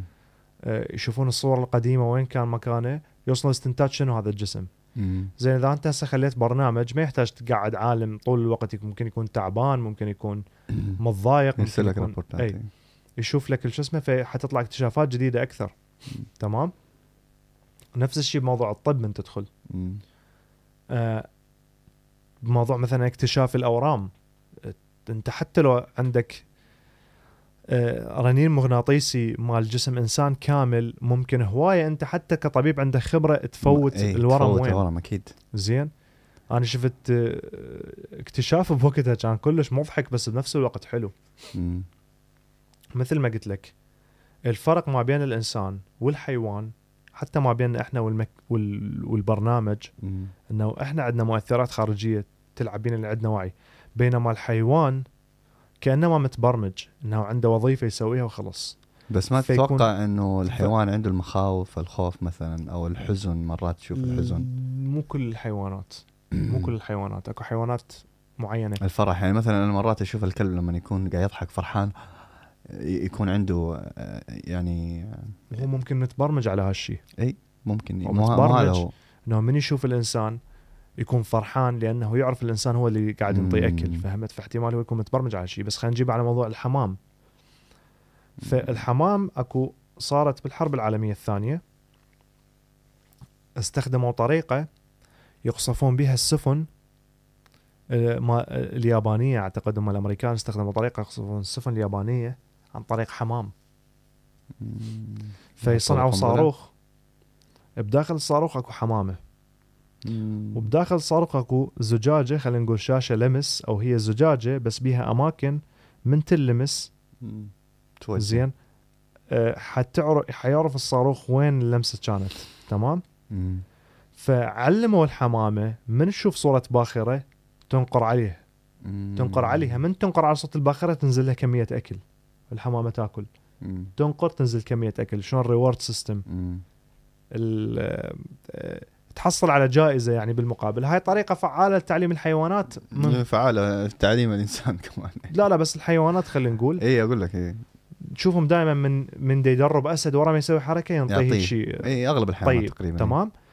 فسووا هذا الموضوع نفسه. إذا خلوا لها شاشه وقدام الشاشة تطلع باخرة فتنقر الباخرة ينزل أكل. مم. لحد ما تدربت الحمامة فترة معينة فصنعوا صاروخ بداخله اكو زجاجه الزجاجة أي. يشوف بيها البرة مم. تمام؟ فيطلقون الصاروخ فمن يشوف باخرة ينقر على الباخرة ينزل له أكل ياكل. والصاروخ شو يسوي؟ يتوجه باتجاه ال- النقرة مال الحمامة. زين؟ فيظل كل ما الصاروخ يروح بعيد ترجع الحمامة تنقر باتجاه الصاروخ ويرجع يتوجه لحد ما يقصف الباخرة. ونجحت فسووا اي اي بس عن طريق حيوان ذكاء اصطناعي عن طريق حيوان مم. الكلام هذا ترى زمان يعني زمان و... وهسه قبل مو هسه قبل تقريبا الله أعلم ما أتذكر شو وقت اللي صار هذا الاكتشاف بس حوالي من سبعة إلى عشر سنوات شفت برنامج مم. إنه يشوفون الحمام صور مال ناس بيهم أورام سرطانية مم. ومن ينقر على مكان السرطان ينطوه أكل. زين؟ فهم يعرفون الأطباء يعرفون هاي الحالات بها سرطانات. يعني لأنه صار حالة مثلا. واحد ميت وعندهم الصور مالته. فيدربوه على الحالات اللي هم مكتشفيها اللي هي سرطان 100% ما تقبل غلط. بعدين جابوا له صور مال ناس جديدة يعني. مم. هم نفسهم ما يعرفون إذا بسرطان ولا لا. أوكي هو ما اكتشف يروح مباشرة على المكان مال السرطان وينقره. وبدقة أكبر من الإنسان. ال- الدكتور مستحيل. المتعلم اللي عنده خدمة 20 سنة سبحان الله تخيل أي ولله في هو ما يعرف إيش. قاعد يسوي هو بس مجرد يريد أكل مم. فهو دماغه ركز دماغ الحمامة هاي ركز على ال- المتغير هذا اللي حينطي. له اكل عن طريق اللي التدريب الإنسان صور- ما قدر. يشوفه أي الإنسان بخبرته أقول لك اللي هي 10 سنوات إلى 20 سنة مم. يواجه صعوبة إنه يكتشف هذا المتغير ال- اللي بيه لون معين أو density معين بصورة. فه- فهذا طائر. فتخيل تخيل اي اي برنامج زي ما قلت. البرنامج راح يتصرف نفس التصرف. أنت قاعد. تعطيه هدف معين وصل لي لهذا الهدف. هو ما عنده خلينا نقول مصلحة شخصية من الوصول لهذا الهدف لأن أنت. اللي برمجته يعني وما عنده مشاعر. وما عنده reward ما عنده reward system مو هذا الفرق إيه. أي هو حيوصل للهدف هذا لأن أنت برمجته. فالقى لي هاي المتغير وين؟ حيلقى لك المتغير. مم. فحتى آه، اكو على على نت- على نتفليكس وثائقي باليابان على على على القردة اللي هم الشمبانزي. إي. زين chimpanzees مو القردة هذول الصغار اللي هم خلينا نقول يقولون جينياً أقرب علينا كبشر يعني. فشوفك الفرق ما بين شلون عقل الشمبانزي يخت- يخت- يختلف عن عقل الإنسان. فجابوا من أقوى الناس بلعبة اللي هي تعرض لك أرقام على الشاشة. وتختفي الأرقام فأرقام بأماكن ملخبطة تمام مم. من الواحد للعشرة مثلا فتروح على الشاشة وتختفي بس تبقى أماكنهن فأنت لازم تجي من من رقم واحد للعشرة بالتسلسل مثلا الواحد هنا الاثنين مم. الاثنين الواحد فوق الاثنين جوا الثلاثة على اليمين الأربعة مم. على اليسار لحد ما توصل عشرة مم. وإذا جي- ما تجيبهم بالتدريج تخسر جابوا أقوى واحد بهاي اللعبة وواحد متدرب صار له فترة طويلة ما قدر يوصل للنتائج اللي انطوها القرودة ولا أصلا. القرد وصل مرحلة فلاش بسرعة يطلع الأرقام. هيك فلاش تروح وتجي. فيقول لك القرد مطور ذاكرة صورية أقوى من الإنسان بمراحل. سبحان الله. زين. لأنه هاي الذاكرة الصورية هي اللي تحميه من الخطر بالطبيعة. مم. لازم يلاحظ هذا الحيوان المفترس بسرعة. كل ما يلاحظ هاي الحيوان المفترس أسرع كل ما يقدر. يهرب منه مم. أو يتخذ قرار أسرع. مم. تمام؟ فهو شو مسوي؟ له من يختار الأرقام صحيح تنزل لهم قطعة أكل يأكل. مم. فما أقول لك القردة كلهم 100% صحيح يسوون بس نسبة الإخطاء تصير أقل بهواية من نسبة الإخطاء مال البشر ونسبة السرعة مالتهم لو تشوفه شلون يشتغل تحسه ماكينه بسرعة اصبعه تت تت تت تت 1 2 3 4 5 وأنا قاعد. أفكر موضوع السرعة هذا شو الموضوع؟ كيف سريع؟ جدا و... وجدا يعني كان الموضوع مشوق من شفته أني فقلت لك إحنا عقلنا ما قمنا نعتمد على الذاكرة الصورية أكثر قمنا نعتمد على الأشياء اللي هي تمشي حياتك مم. مو بالضرورة تكون مفيدة هاي الأشياء مم. إلك إنه أنت تكون عندك ذاكرة صورية قوية، شنو فائدتها بالحياة؟ ما بها أي فائدة حاليا، ما عندك حيوان مفترس كل يوم آه، جاي أنت تنتبه من عنده ليحاول يفترسك أو زين، طبعا مع العلم إحنا هم عندنا هاي الشيء، يعني هم عندنا مو- موضوع تمييز الوجه. أو تمييز الوجه ما بين اللخبطه، أنت مر عليك إنه تباوع بأشياء ملخبطة وتشوف عين وخشم ووجه، إي يعني مثلا مرات زغرفة مثلا تشوف بالزغرفة أكو مثل مرات حتى الوجه. مرات حتى أكون مثلا في الطبيعة أشوف جبل في له فد, فد أحجار زي كذا عرفت كيف داخلة في بعض فأشوف شكل يعني وجه مو صحيح؟ وجه وجه كامل ليش دائما وجه مو شيء ثاني؟ سبحان الله تعرف ليش؟ مم.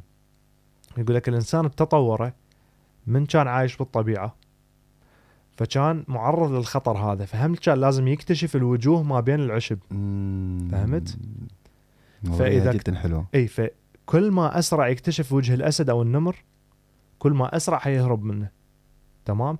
فصارت عندنا دقة باكتشاف الوجوه بأشياء ملخبطة هواية. فهو أي شيء متعلق بال survival هو ال إي مو هو هذا المحفز مالتنا. إيه. محفز يا أما ال survival يا أما أشباع الغرائز. مم. مثلا الجوع يخليك أكثر. ذكي creative شلون شلون توصل اكل الصيام المتقطع اي اي اي مو قلت لك هاي هاي هاي وحدة إحنا الحين صايمين ترى إحنا. قاعدين نتكلم صايمين اي صايمين وحدة من الأمور اللي ال- ال- موضوع الصيام المتقطع من النظريات اللي قال لك ليش بيها فائدة؟ ليش تخلي عقلك أكثر حاد؟ تفكيرك حاد أكثر؟ لأنه من الإنسان زمان كان عايش بالطبيعة إذا كان عقله ما يشتغل تمام من هو جوعان؟ كان, ما. تعرض اي كان ما تعرض لل يعني كان تعرض للانقراض. اي كان مات يعني. تمام؟ فبالعكس يخليك يكون ذكائك أكثر حاد وعقلك أكثر حاد تركيزك حاد حتى تقدر تصيد. لأنه الصيد يتطلب تركيز كلش عالي. وهاي دراسات ترى أثبتت هذا الشيء. يعني أي. موضوع الشيء اسمه أوتوفوجي 2006 واحد ماخذ عليه 2006 كان؟ ماخذ عليه نوبل. بريس. أني شفت من أكون صايم برمضان وأسوي امتحانات كانت بوقتها م- بالاعداديه ال- ال- ال- النتائج اللي تطلع على بهواي لما أكون اني ماكل هسه وأسوي الامتحان. وفوق هذا كله في عامل نفسي لو تلاحظ. عامل نفسي يقول إنه لا شت أنا جيعان. إي. ف... فما حقدر أكم... فما حقدر أنجح. مم. هذا العامل النفسي قبل دخولك الاختبار يأثر على ال... على ال- النتائج. تخيل إنه أنت من البداية مؤمن بإنه الصيام عرفت كيف؟ مرحلة الصيام مثلا حخش موضوع آه، حرق الدهون حخش موضوع استخدام الكيتون حخش موضوع الأوتوفوجي والأشياء هذه. لو عن جد كنت عارفها ودخلت الاختبار. كان بحياتي ما أخذت وياي موزة بالامتحان لو سندويشة لو ما أعرف شنو كنا اللي نسويه إحنا. تاكل موزة مخك يوقف في نص الاختبار. امتحان طوله ثلاث ساعات تخيل. ولازم ندخل ويانا أكل وما أعرف شنو. آه، حتى نقدر آه، على أساس إنه نقدر نركز بالامتحان لما نكون بطلنا به أكل طلع الموضوع العكس تماما. إي والله. من تكون صايم تكون شارب أكثر مركز. وهذا الشيء. صراحة يعني مو بس إنه الدراسات قاعدة تتكلم عن هذا الشيء إحنا حسيناه في نفسنا. يعني شخصياً. أنا عني شخصيا. عني في النادي في النادي طاقتي صارت آه، في دبل والله بالفخار. في دبل يعني ومصدقك والله. أقعد ساعتين أول ساعتين النص ساعة الأخيرة أكون منتهي منتهي. يا الله يا الله بس بكمل الحين لا الساعتين كاملة وأنا بكل طاقتي يعني. أخرج من هناك لسه عندي طاقة م- كافية إنه إي. استمر أكمل اليوم كله. فهذا الشيء صراحة أنا خلاني عن جد يعني أحب أتعلم أكثر عن الموضوع. كل اللي شافنا زمان وراح يشوفنا هسه يشوف هل هاي الحلقة لأن الحلقات الباقية كنا دائما نسويها بعد ما نأكل. اي المرة قبل ما نأكل. هل دي يشوف طاقتنا أعلى أو طريقة حديثنا أكثر حادة يعني من زمان؟ أنا أشوف نفسي شوية مندفع أكثر من المرات اللي أيوه فاتت. وصراحة الموضوع ترى موضوع الذكاء الصناعي ترى حلو يعني. أي أي. أنا صح إنه ما عندي فيه خلفية كبيرة بس إنه زي ما قلت لك إحنا هنا نتعلم بعض أتعلم منك ونتعلم مني. وجدا استفدت والله من أشياء حلوة.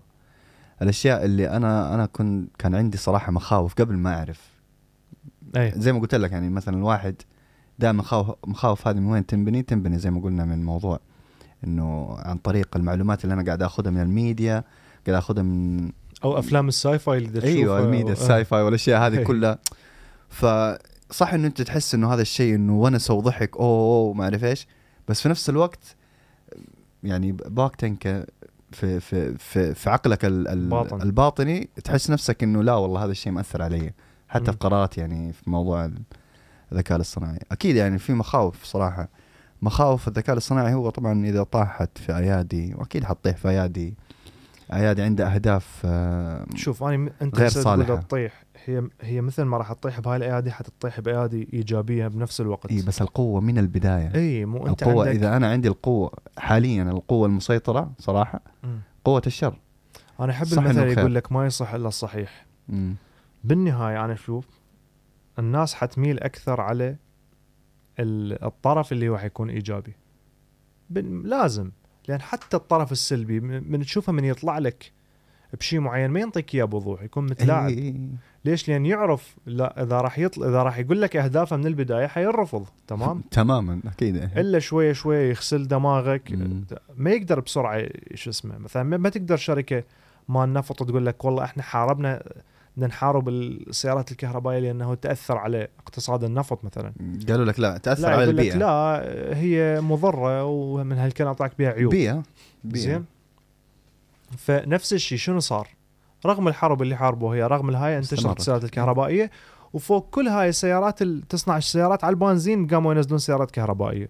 من ضمنها شركة فولفو قالوا من بعد سنة 2023 مع 24 بعد ما يصنعون أي سيارة بنزين كلها كهربائي زين؟ 2000 وكم؟ الف الف هي الخطة بدأت إنه ب 2000 2030 يمكن. 2030 الاتحاد الأوروبي كله بعد كله بعد كذا. أعتقد. بس الله. 2024 فولفو هي حتبدي. هي من الشركات اللي بدت يعني بالموضوع إنه ما يصنعوا أي سيارة بنزين بعد. أي. حلو. أي ف حلو. ف يعني هو حلو بس بنفس الوقت لازم نطور التكنولوجيا هذه أكثر. اي يعني يعني موضوع صراحة السيارات الكهربائيه أول شيء لازم نحل موضوع ال- الشواحن. إي خلي يرجعون لحلقة السيارات الكهربائية. حلوة كانت. خيالية كانت. الحياة حلقة كانت حجينا بها السيارات آه، الثالثة يمكن أو الثانية. الثانية على ما أعتقد. إي. إي واحدة من الحلقات. أرجع تعمقنا بها أكثر إي. يعني.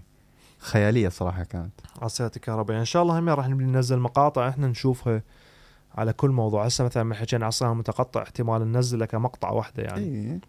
حتى شوية لو شوية. دقيقة دقيقتين. إي.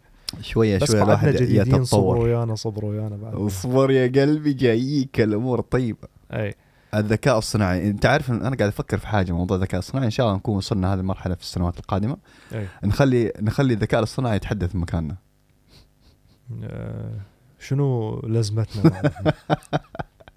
نكون بس إحنا قاعدين نشرب القهوة وأمورنا طيبة وهو يظبط لنا يا البودكاست شباب كامل. كان ما راح أسوي ال automation بالبودكاست أكيد مالتنا أكيد أكيد ال automation تعرف شنو حسوي بالمستقبل بس أنا قصدي إنه يكون في مشاعر وما أعرف إيش و... إيه. وتلقى روبوت قاعد يقول والله حرام وما أعرف إيش. لا إحنا راح نبقى بمكاننا هذا بس اللي حيصير إيه. لأنه بالمستقبل إذا جبنا أكثر من كاميرا مثلا كاميرا تطلع لقطة أنا من أحكي وأنت تطلعك لقطة من تحكي هذا ال- ووحدة تطلعنا اثنين. عن طريق الصوت. فعن طريق برنامج يشوف. منو قاعد يتحدث أو يتحرك هسه. يحول الكاميرا عليه. أحسن ما. قاعد إنسان يبدل كاميرات. زين. فهاي راح أسويها إن شاء الله لما إن شاء الله. تكون عندنا القدرة بعدين بالمستقبل. إيه. فقلت لك أنا بالعكس جدا أحب الأوتوميشن. أه، أحب موضوع الذكاء الاصطناعي. بس بنفس الوقت أه، هم عندي مخاوفي من عنده. شنو المخاوف؟ اللي انت مثلا حاسه هي أكبر مخاوف ممكن. طبعا أنا أكبر مخاوف عندي إنه أو وحدة من المخاوف اللي عندي أكثر وحدة أنا أفكر بيها. علي من تلقي اللوم من يصير خطأ. يعني مثلا خلينا نقول إذا روبوت يسوي لك عملية جراحية. أوه كلهم قالوا أدق من الطبيب ويكون مو تعبان ومن هالكلام. أوكي ويسوي لك العملية بدقة وبنجاح يوصل إلى 99.9% مم. تمام؟ لو صار خطأ بالروبوت هذا ومتت ومات واحد مثلا أنت تعرف لا مم. سامح الله يعني من بعملية بسيطة تكون ممكن العملية ومات بهذا الواحد. ماكو واحد حتلقى عليه اللوم. إيه. مو يعني حتلقى مو اللوم على المستشفى أم. حتلقى اللوم على المبرمج أو صانع الروبوت نفسه. ما حتلقي اللوم على حد مو هنا هنا هنا هنا برضه يجيك لازم موضوع. واحد حيتحاسب. إيه، مو هنا عندك موضوع مثلا آه، العمليات اللي تصير. جراحين اللي يسووا لك عمليات مثلا. يقول لك يا أخي نسبة النجاح على حسب توقعاتنا 50% أي. تدخلين تسوي العملية مثلا؟ لو قل لك نسبة النجاح مالتي 99% لأنه عملية بسيطة جدا. إي بس صفر فاصل واحد موجود إنه صحيح. والله أعلم ما صحيح. تعرف. بس خلينا نقول السبب سخيف تافه. صار خطأ ومات الجسم الطبيب نسى شيء بداخل المر... بطن المريض وخيط بطنه. إي هنا أكيد الطبيب حيتحاسب. تمام. مو صحيح؟ اكو إيه بس اكو من بس أنا قصدي أنا قصدي ال AI كيف ح... كيف ح... ما دام إنه معطيك 99 صفر مثلا نقول اي بس مثلا صار خطأ صار خطأ تافه مثل اللي أقول لك عليه. اي يعني مثلا خطأ مو ما داخل من ضمن الهاي الصفر. صفر فاصلة صفر صفر صفر واحد بالمية. okay خارج. خارج عن هذا ال- الجسم والله ما أدري من منو حتحاسب؟ اي ما أدري حتحاسب منه اي فايش أقول لك؟ اي لا إذا كذا شوية أو صعبة. مثلا سياره تمشي على AI سوت حادث ومات ماتوا ناس يعني مم. آه ماكو شخص تلقى عليه اللوم أو تحاكمه أو تحاسبه لأن هسه أنت تعرف أنت هسه ممكن حتى لو قتلت واحد بالخطأ أنت حتتحاكم حتى لو أنت قتلته بالخطأ يعني إي إي أكيد أكيد حتتحاكم أنت تمام لأنه أنت انهيت حياة إنسان بسبب مم. عمل يا اما سويته بدون تركيز أنت حتحاسب على الفترة اللي أنت ما ركزت بيها لأنه هو قال لك من أنت باختبار السواقة أنت لازم تكون تركيزك 100% على الشارع وعلى الزوايا وعلى المرايات تمام مم. فإذا أنت ما ركزت وقتلت هذا الشخص فأنت حتحاسب على هاي هاي قله التركيز مالتك طيب إيش رأيك مم. نحط القاضي اي اي برضو بس شو الفائده؟ شو يسوي سجن ال AI؟ يعني يعني شو يسوي له يسجل البرنامج أي أو ما أدري أي يعني وش درسوا الموضوع كله وشافوا ماكو أي خطأ بشري. اللي صنع الجهاز صنعه على أتم ما إيه، هي- أتم ما يكون واللي برمج الجهاز برمجه على أتم ما يكون. مو هي والمستشفى نصبته بأحلى دقة ممكنة. هنا تعرف يتدخل الإنس... يعني تتدخل قناعة الإنسان. يقول خلاص الحمد لله على كل حال. سوينا اللي علينا وهذا هو. عن جد خلاص شو تسوي؟ لأنه لأن ش... ش... بس مو كل الناس مثل ما أنت تقول يعني. اي اي بس بس آه انت قاعد تحكي على الحكي لأن هذا يرضيك إلك بس هل حيرضي البقية؟ ما أدري ما اعتقد ما أعتقد أكيد إحنا مختلفين أشوفه يعني. أناني أنت لا تفكر مختلفين بنفسك بس فكر بالبقية لا لا أنا إيش مختلفين. إيش قاعد أقول أنا قاعد أقول إنه اذا إذا 99% العملية هذه ناجحة تمام وحتى أنا ما فكرت إنه أروح مثلا أزور هذا الشخص لأنه ناجحه العملية تعبانة يعني. عرفت كيف؟ و... وفجأة أسمع يجيني اتصال الشخص هذا توفى يعني شخص مثلا عزيز علي. ححزن بس بس المين ألوم يعني ما له معنى صراحة. صراحة لا، لا، موضوع. اللوم أنا بالنسبة لي موضوع اللوم ما, ما له معنى شيء شيء. اللوم راح يغير الأمور للأحسن. إذا اكتشفت الخطأ وين ولمت الخاطئ هذا الخاطئ احتمال ما راح تخليه يسوي إيه عملية بس بعد. شنو؟ بس شنو؟ أكيد. مو صحيح؟ كلام جميل. بس بس بس في إيش حتلوم ال AI إي مو أنا إيش دا أقول لك؟ أنا هاي الأمور الأمور اللي تخوفني اللي عندي بيها معضلة. يعني ما أي. ماكو ماكو شيء ما في شيء أصلا إنه موضوع أي. جدا غريب. والشغلة الثانية اللي أني هم أخاف من عندها موضوع التواصل الاجتماعي. التواصل الاجتماعي حيقل كل ما ننطي اعتماد للمكائن. استخدام العقل.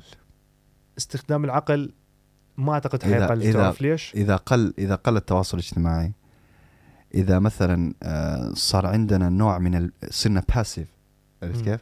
صرنا ما ما نحب مثلا نطلع نقرأ صرنا صارت مثلا آه، هواياتنا شغلات ما ما لها أي فائده طبعا أنا هذا الموضوع ما ما امن إنه صحيح إنه لأنه الاي اي راح يسوي لنا كل شيء فإحنا ما راح نقوم نتعمق هذا بس في كذا احتمال تعرف ليش؟ لأنه مو كل الناس أطباء. مو كل الناس مهندسين من تحتاج شغلة بالبيت وما تعرف لها تجيب خبير يسوي لك هاي الشغلة مم، تمام مم، مثل ما حتجيب خبير يسوي لك إياها حتجيب مك- ماكينة تسوي لك هاي الموضوع مم. تمام لأ- و- وكذلك من مثل ما قلت لك من راح تزيد المكان حت- حتزيد الحاجة للمبرمجين والمهندسين فبالعكس أنت شغلت عقول هواية مم. لأنه حتزيد الحاجة لذول الناس مم. أكو معامل تريد ناس تشغل بسرعة تمام بس المسألة وين؟ أنا قلت لك؟ التواصل الاجتماعي. التواصل الاجتماعي يأثر على الع- العامل النفسي والعامل النفسي مدمر. كل ما الشخص يكون وحيد كل ما يكون العامل النفسي مالته معاي. مدمر. حتى لو أنا عندك وأنت في الذكاء. نفس الخط. هذا هو مو هذا الكلام اللي قصدي عليه. أي. آه، أنت قلت العامل النفسي. ها أنت قلت إنه العقل النفسي، يتراجع بسبب. العالم العامل النفسي لا أنا. أنا أنا رحت على طول على العقل. أي. يعني من دون. أنت بديت يا دوب العامل النفسي أنا نطيت لك هناك. أي. فإحنا تقريبا مكملين لبعض أنت قلت العامل النفسي حيأثر حيتأثر بسبب ال- ال- التواصل الاجتماعي حيقل. وهنا عقلنا أكيد يعني حي... تفكيرنا حيقل. ليش؟ لأنه ما ما, ما عندك موتيفيشن ممكن. أي. ممكن. ممكن والله ما أدري. أو تحس إنه ماكو هدف من اللي أنت تسويه. أي. أو مدى تشوف ال feedback من الناس. الحياة سهلة. زي مثلا سألت واحد من الشباب قلت له قلت له ترى هنا عندكم خاصة في السويد من أعلى الدول اللي عندها ال depression مشاكل نفسية بصورة مشاكل عامة. نفسية وهذه أي. الأشياء. فقال لي والله إحنا إحنا إحنا عشنا حياة حياة حلوة لسنوات طويلة فمنا حاسين ما حسينا بالمعاناة.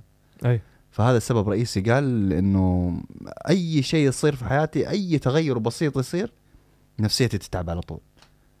و...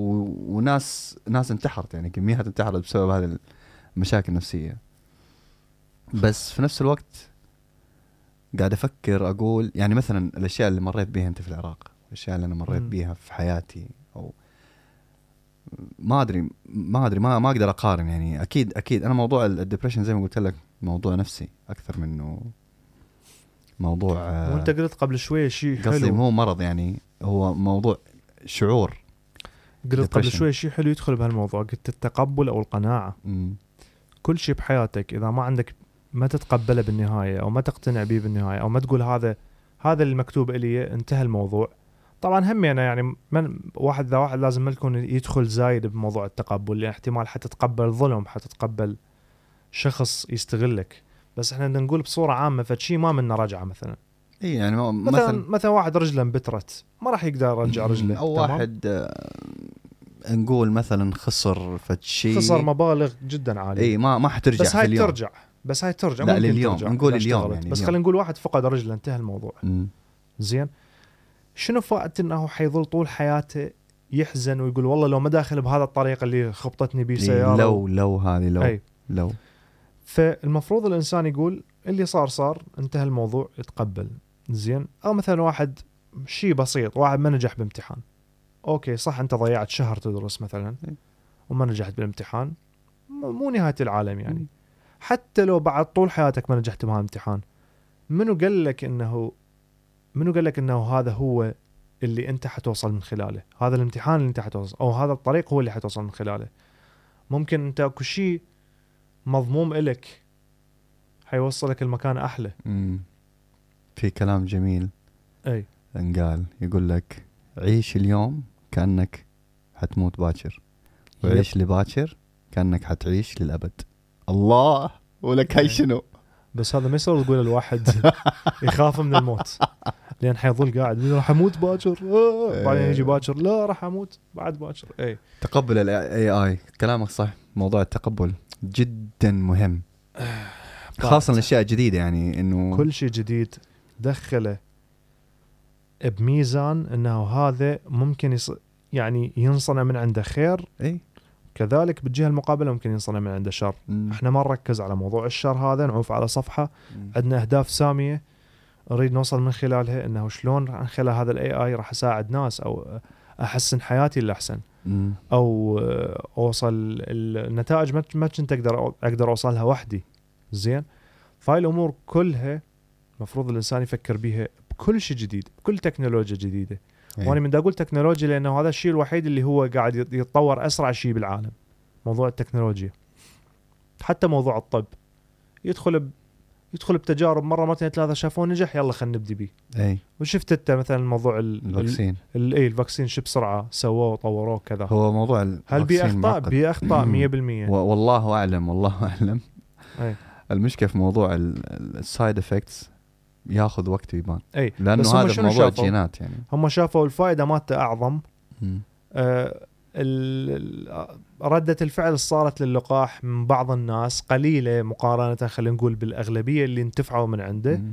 فقال لك ننزله نفس أغلب الفك... آه، اللي هو أغلب اللقاحات تعرف لأنه مثلا في لقاح آه، ما أعرف كم مليون طفل أخذوه. ما أدري شو اسمه كان. فماتوا ماتوا من منهم تقريبا مي ألف وشوية وألفين شخص. نسبة عالية هذه. ألف إيه. هاي نسبة عالية أنت بس كم مليون كم مليون. إي إي مم. نسبة عالية تعتبر. هي, هي تعتبر نسبة عالية بس إنه برضه مشوه يعني. إذا مليون مثلا وماتوا خمسة ومذول إي الخمسة يعني- هم أرواح وهم إي. لازم واحد يفكر بيهم بس بنفس الوقت اللي انتفعوا تبقى هذا الشيء ما حد ما راح يقدر يسيطر عليه إنه منو حيكون عنده ردة فعل. يقدرون يدرسون إنه ذول الخمسة ش- جيناتهم أو شنو. اللي رد ردة الفعل اللقاح اللي صارت احتمال عن طريقهم يوصلون الحل يقللون به المشكلة هاي أو ينهوها المشكلة من الوجود. بس مم. نفس الوقت كل هاي وأغلب الناس تقبلت اللقاح مع العلم أكو مخاوف من عنده. بس وين؟ عندنا هنا في السويد يا معلم آه، في يوتوبوري ستوكهولم مالمة قامت آه، مظاهرات. أي أكو تكتيم إعلامي على الموضوع. قامت مظاهرات. وتشوفها في ال social media بس.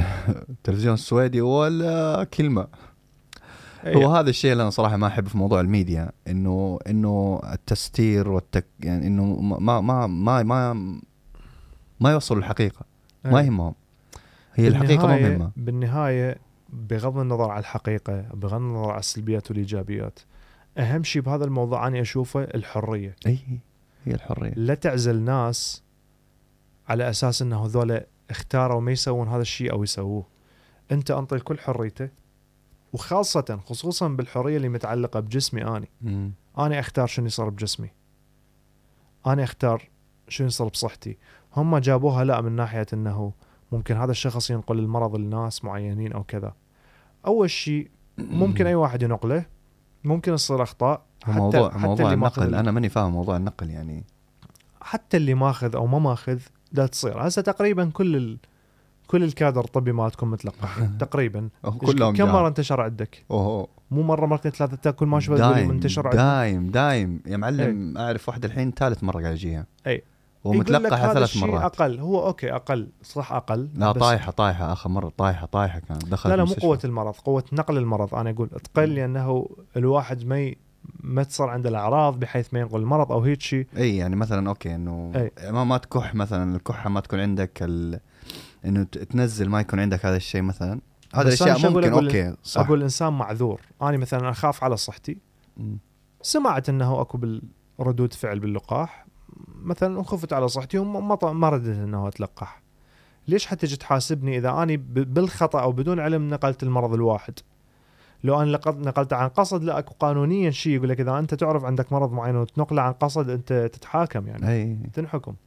زين؟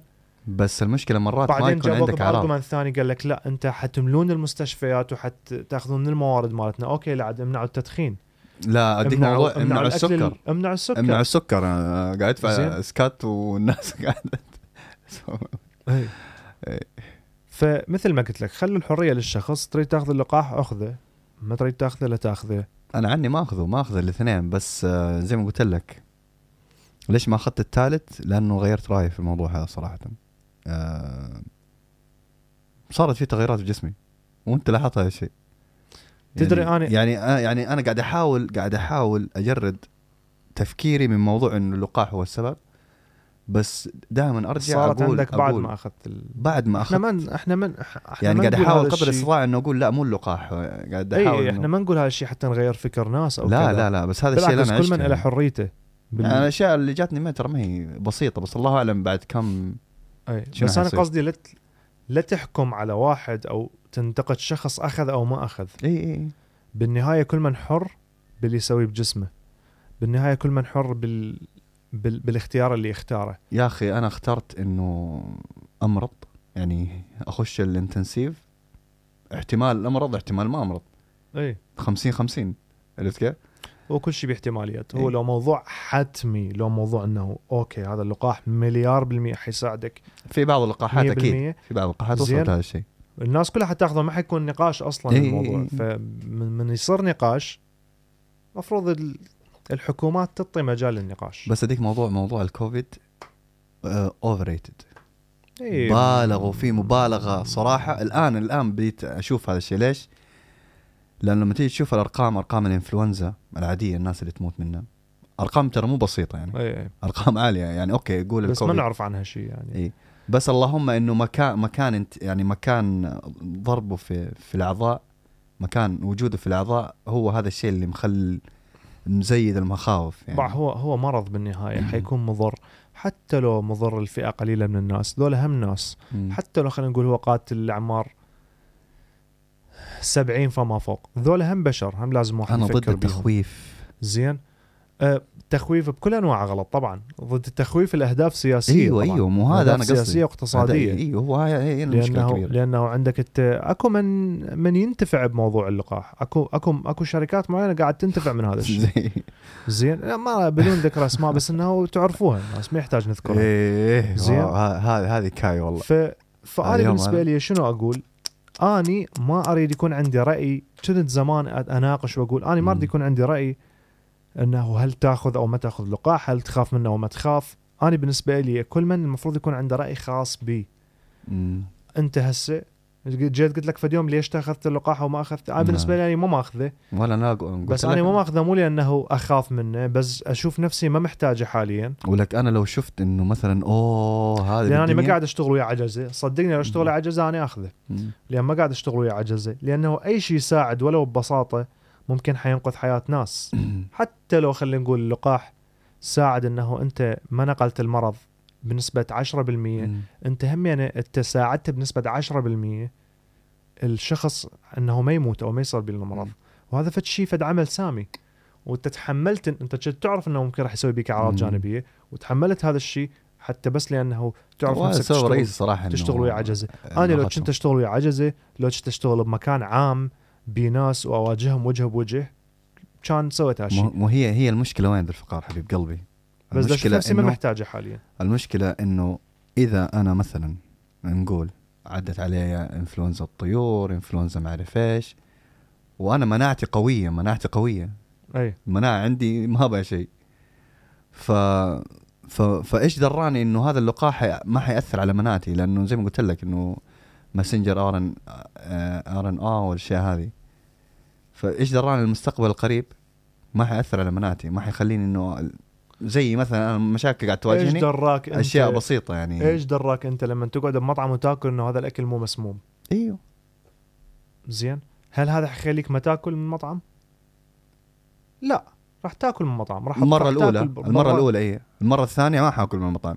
مو يعني نفس ال dose خلينا نقول. أنت رايح ال dose الأول ال dose. الثاني ما اخذه إيه، فهمت؟ مو إحنا إذا نمشي على إيش دراك وإيش ما دراك هذا الشيء ما راح يخلي الحياة تستمر. اي بس بس إحنا إيه، نبوع بس على ارقام نشوف. الأرقام ده تقول إنه أغلب الناس اللي أخذوه ما عندهم مشكلة. فشنو المشكلة فهمت؟ بس هل من اخذته مرة ومرتين وثلاثة وما فاد بيك ليش حتظل ترجع تأخذه؟ بس لأنه دا يقولوا لك أخذه. وبدك تشوف إنه ممكن أكو أهداف اقتصادية من هالموضوع أكو ناس قاعد تنتفع من هالموضوع. مو هي من اخذته مرة مرتين ثلاثة وراه راح يقول لك ها لازم تأخذ كل موسم واحد. هو زين. أصلا هذا هذا الخطة أصلا إيش تحسب؟ زين. أنت ما شاء الله من من أني صار بي وعديتك أه، ما شفتك تأذيت هوايه حتى أنا ما أعتبر نفسي تأذيت هوايه غير إنه ما تأذيت إنه دخلت مستشفى أو أو صارت عندي حرارة عالية أو كحة إيه أو- يعني أو نزل كم الأكسجين يوم. والحمد لله بس الألم بس الصداع مم. أنا لو ما الصداع ترى تشوفني ما بي شيء إيه. قايم يعني بس الصداع هو اللي أذاني آه عدا هاي لا لا كحة قوية عندي لا ألم بالبلاعيم بس مم. ألم المفاصل لأنه نايم كنت. وأكيد هو المرض يسوي ألم بالجسم وألم الرأس الصداع انتهى الموضوع زين وهسه أنا صار عندي مناعة لأنه صار عندي ال- الموضوع هذا مم. أعتقد صار عندي الفاريانت الجديد الأوميكرون مم. اللي هو يكون أخف من ذاك القوي فهذا راح يعطيني نوعا ما مناعة حتى إذا جاني نوعية ثانية لأنه جسمي يعرف هذا الفيروس شنو وهذا شيء قالوا بيه أطباء يعني ونفسه اللي اخترع اللقاح اخترع التقنية مال اللقاح شفت لقاء وياه قال إنه إذا أنت صار بيك فد نوعية معينة من الكورونا عندك مناعة حيكون عندك من من النوعيات نفس العائلة الباقية. بس حي حيجيك أخف يعني. هو المرض الجاي جاي بس اللهم إنه يكون أخف أي. أنا زي ما قلت لك يعني كنت أكثر من ثمانية مرات تواجدت في أماكن آه، المرضى كان عندهم آه، كورونا وكم واحد فيهم توفى يعني يعني معناها المرض قوي يعني كان يعني المرض كان قوي و وجاء وجاء شيء ملموس فيه يعني جاء مثلا. آه، جاء مثلا عطس في وجهي أو كح في وجهي م. فكنت جدا قريب ووقتها ما كان عندنا اللبس لسه ما كنا بادئين. وما جتك اي اعراض ما في شيء ما في شيء اختبار سوينا. وقتها لسه ما كان اختبارات صح؟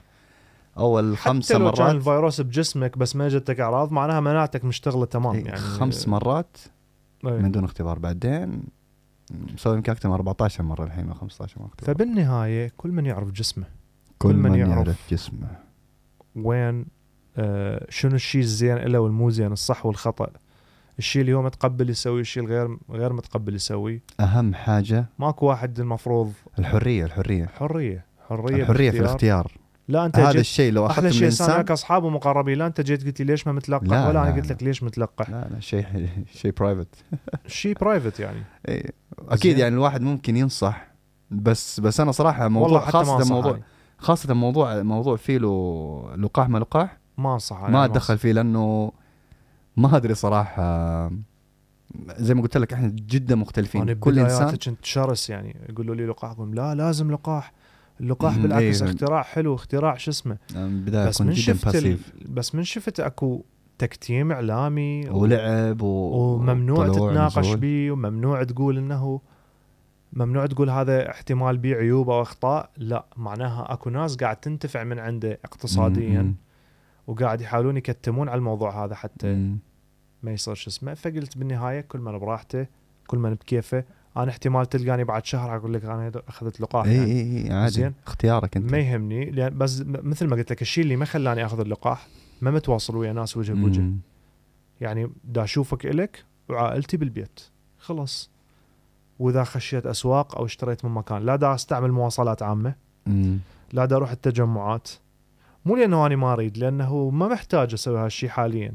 حاليا الأوضاع شوية إيه. ملخبطة والدنيا ما قاعد. أشتغل بمكان بيه ناس أو كذا أو شو اسمه. فما راح يكون عندي تواصل ويا ناس ما راح يكون احتمال حيتغير تفكيري.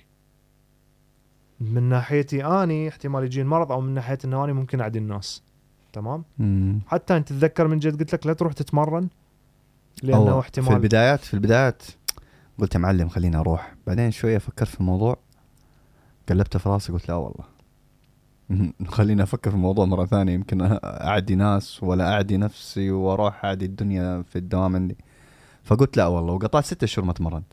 أمشيها ضغط في البيت قاعد وتمارين بطن وأشياء زي كذا. يعني الواحد يقدر يسوي بكل ادابتير سهولة. أو يسهل إي. أي. بس آه، أهم حاجة يا شبابنا الحلوين أهم حاجة أهم حاجة اختياركم الأول دائما يكون إنه تركزوا على صحتكم. أي. تركزوا على موضوع المناعة. اليوم قبل ما نبدأ الحلقة شاربين شوت. اسمه زنجبيل. زنجبيل مع كركم يسموه؟ كركم. كركم إيه. زنجبيل مع كركم. وليمون. وليمون. كده أدي أدي المناعة boost حرقنا يعني. ال- الحنجرة وجينا على الجسم. حرقنا الكوفيد من من أصله. تعرف أنا عندي فت فكرة راح أطرحها ممكن دا يشتغلون عليها الله أعلم إنه على موضوع ال AI. ليش ما يسوون محاكاة الجسم الإنسان الكترونيه عن طريق برنامج اللي هو سيميوليشن جسم إنسان كامل. بحيث تقدر تشوف تأثير كل مادة و- وباتجاه المحاكاة هذه محاكاة كذلك نوعية الأكل أو الدواء اللي يدخل لهذا الجسم وشلون يأثر عليه. وعن طريق ردة فعل الجسم الإنسان هاي الإلكترونية يقدرون يشوف يعرفون إيش حيصير بالحقيقة. شلون ما يسوون هسه. شلون ما يسوون هسه بمقاومة الهواء للسيارة. فمن المصمم يصمم سيارة فأول شيء يصمم بال 3D على برنامج يدخلها ب simulation يصدم بها سرعة رياح ويشوف الرياح شلون تتصرف بالبرنامج. ويحط على الحقيقة. وبالحقيقة راح يصير نفس النتيجة.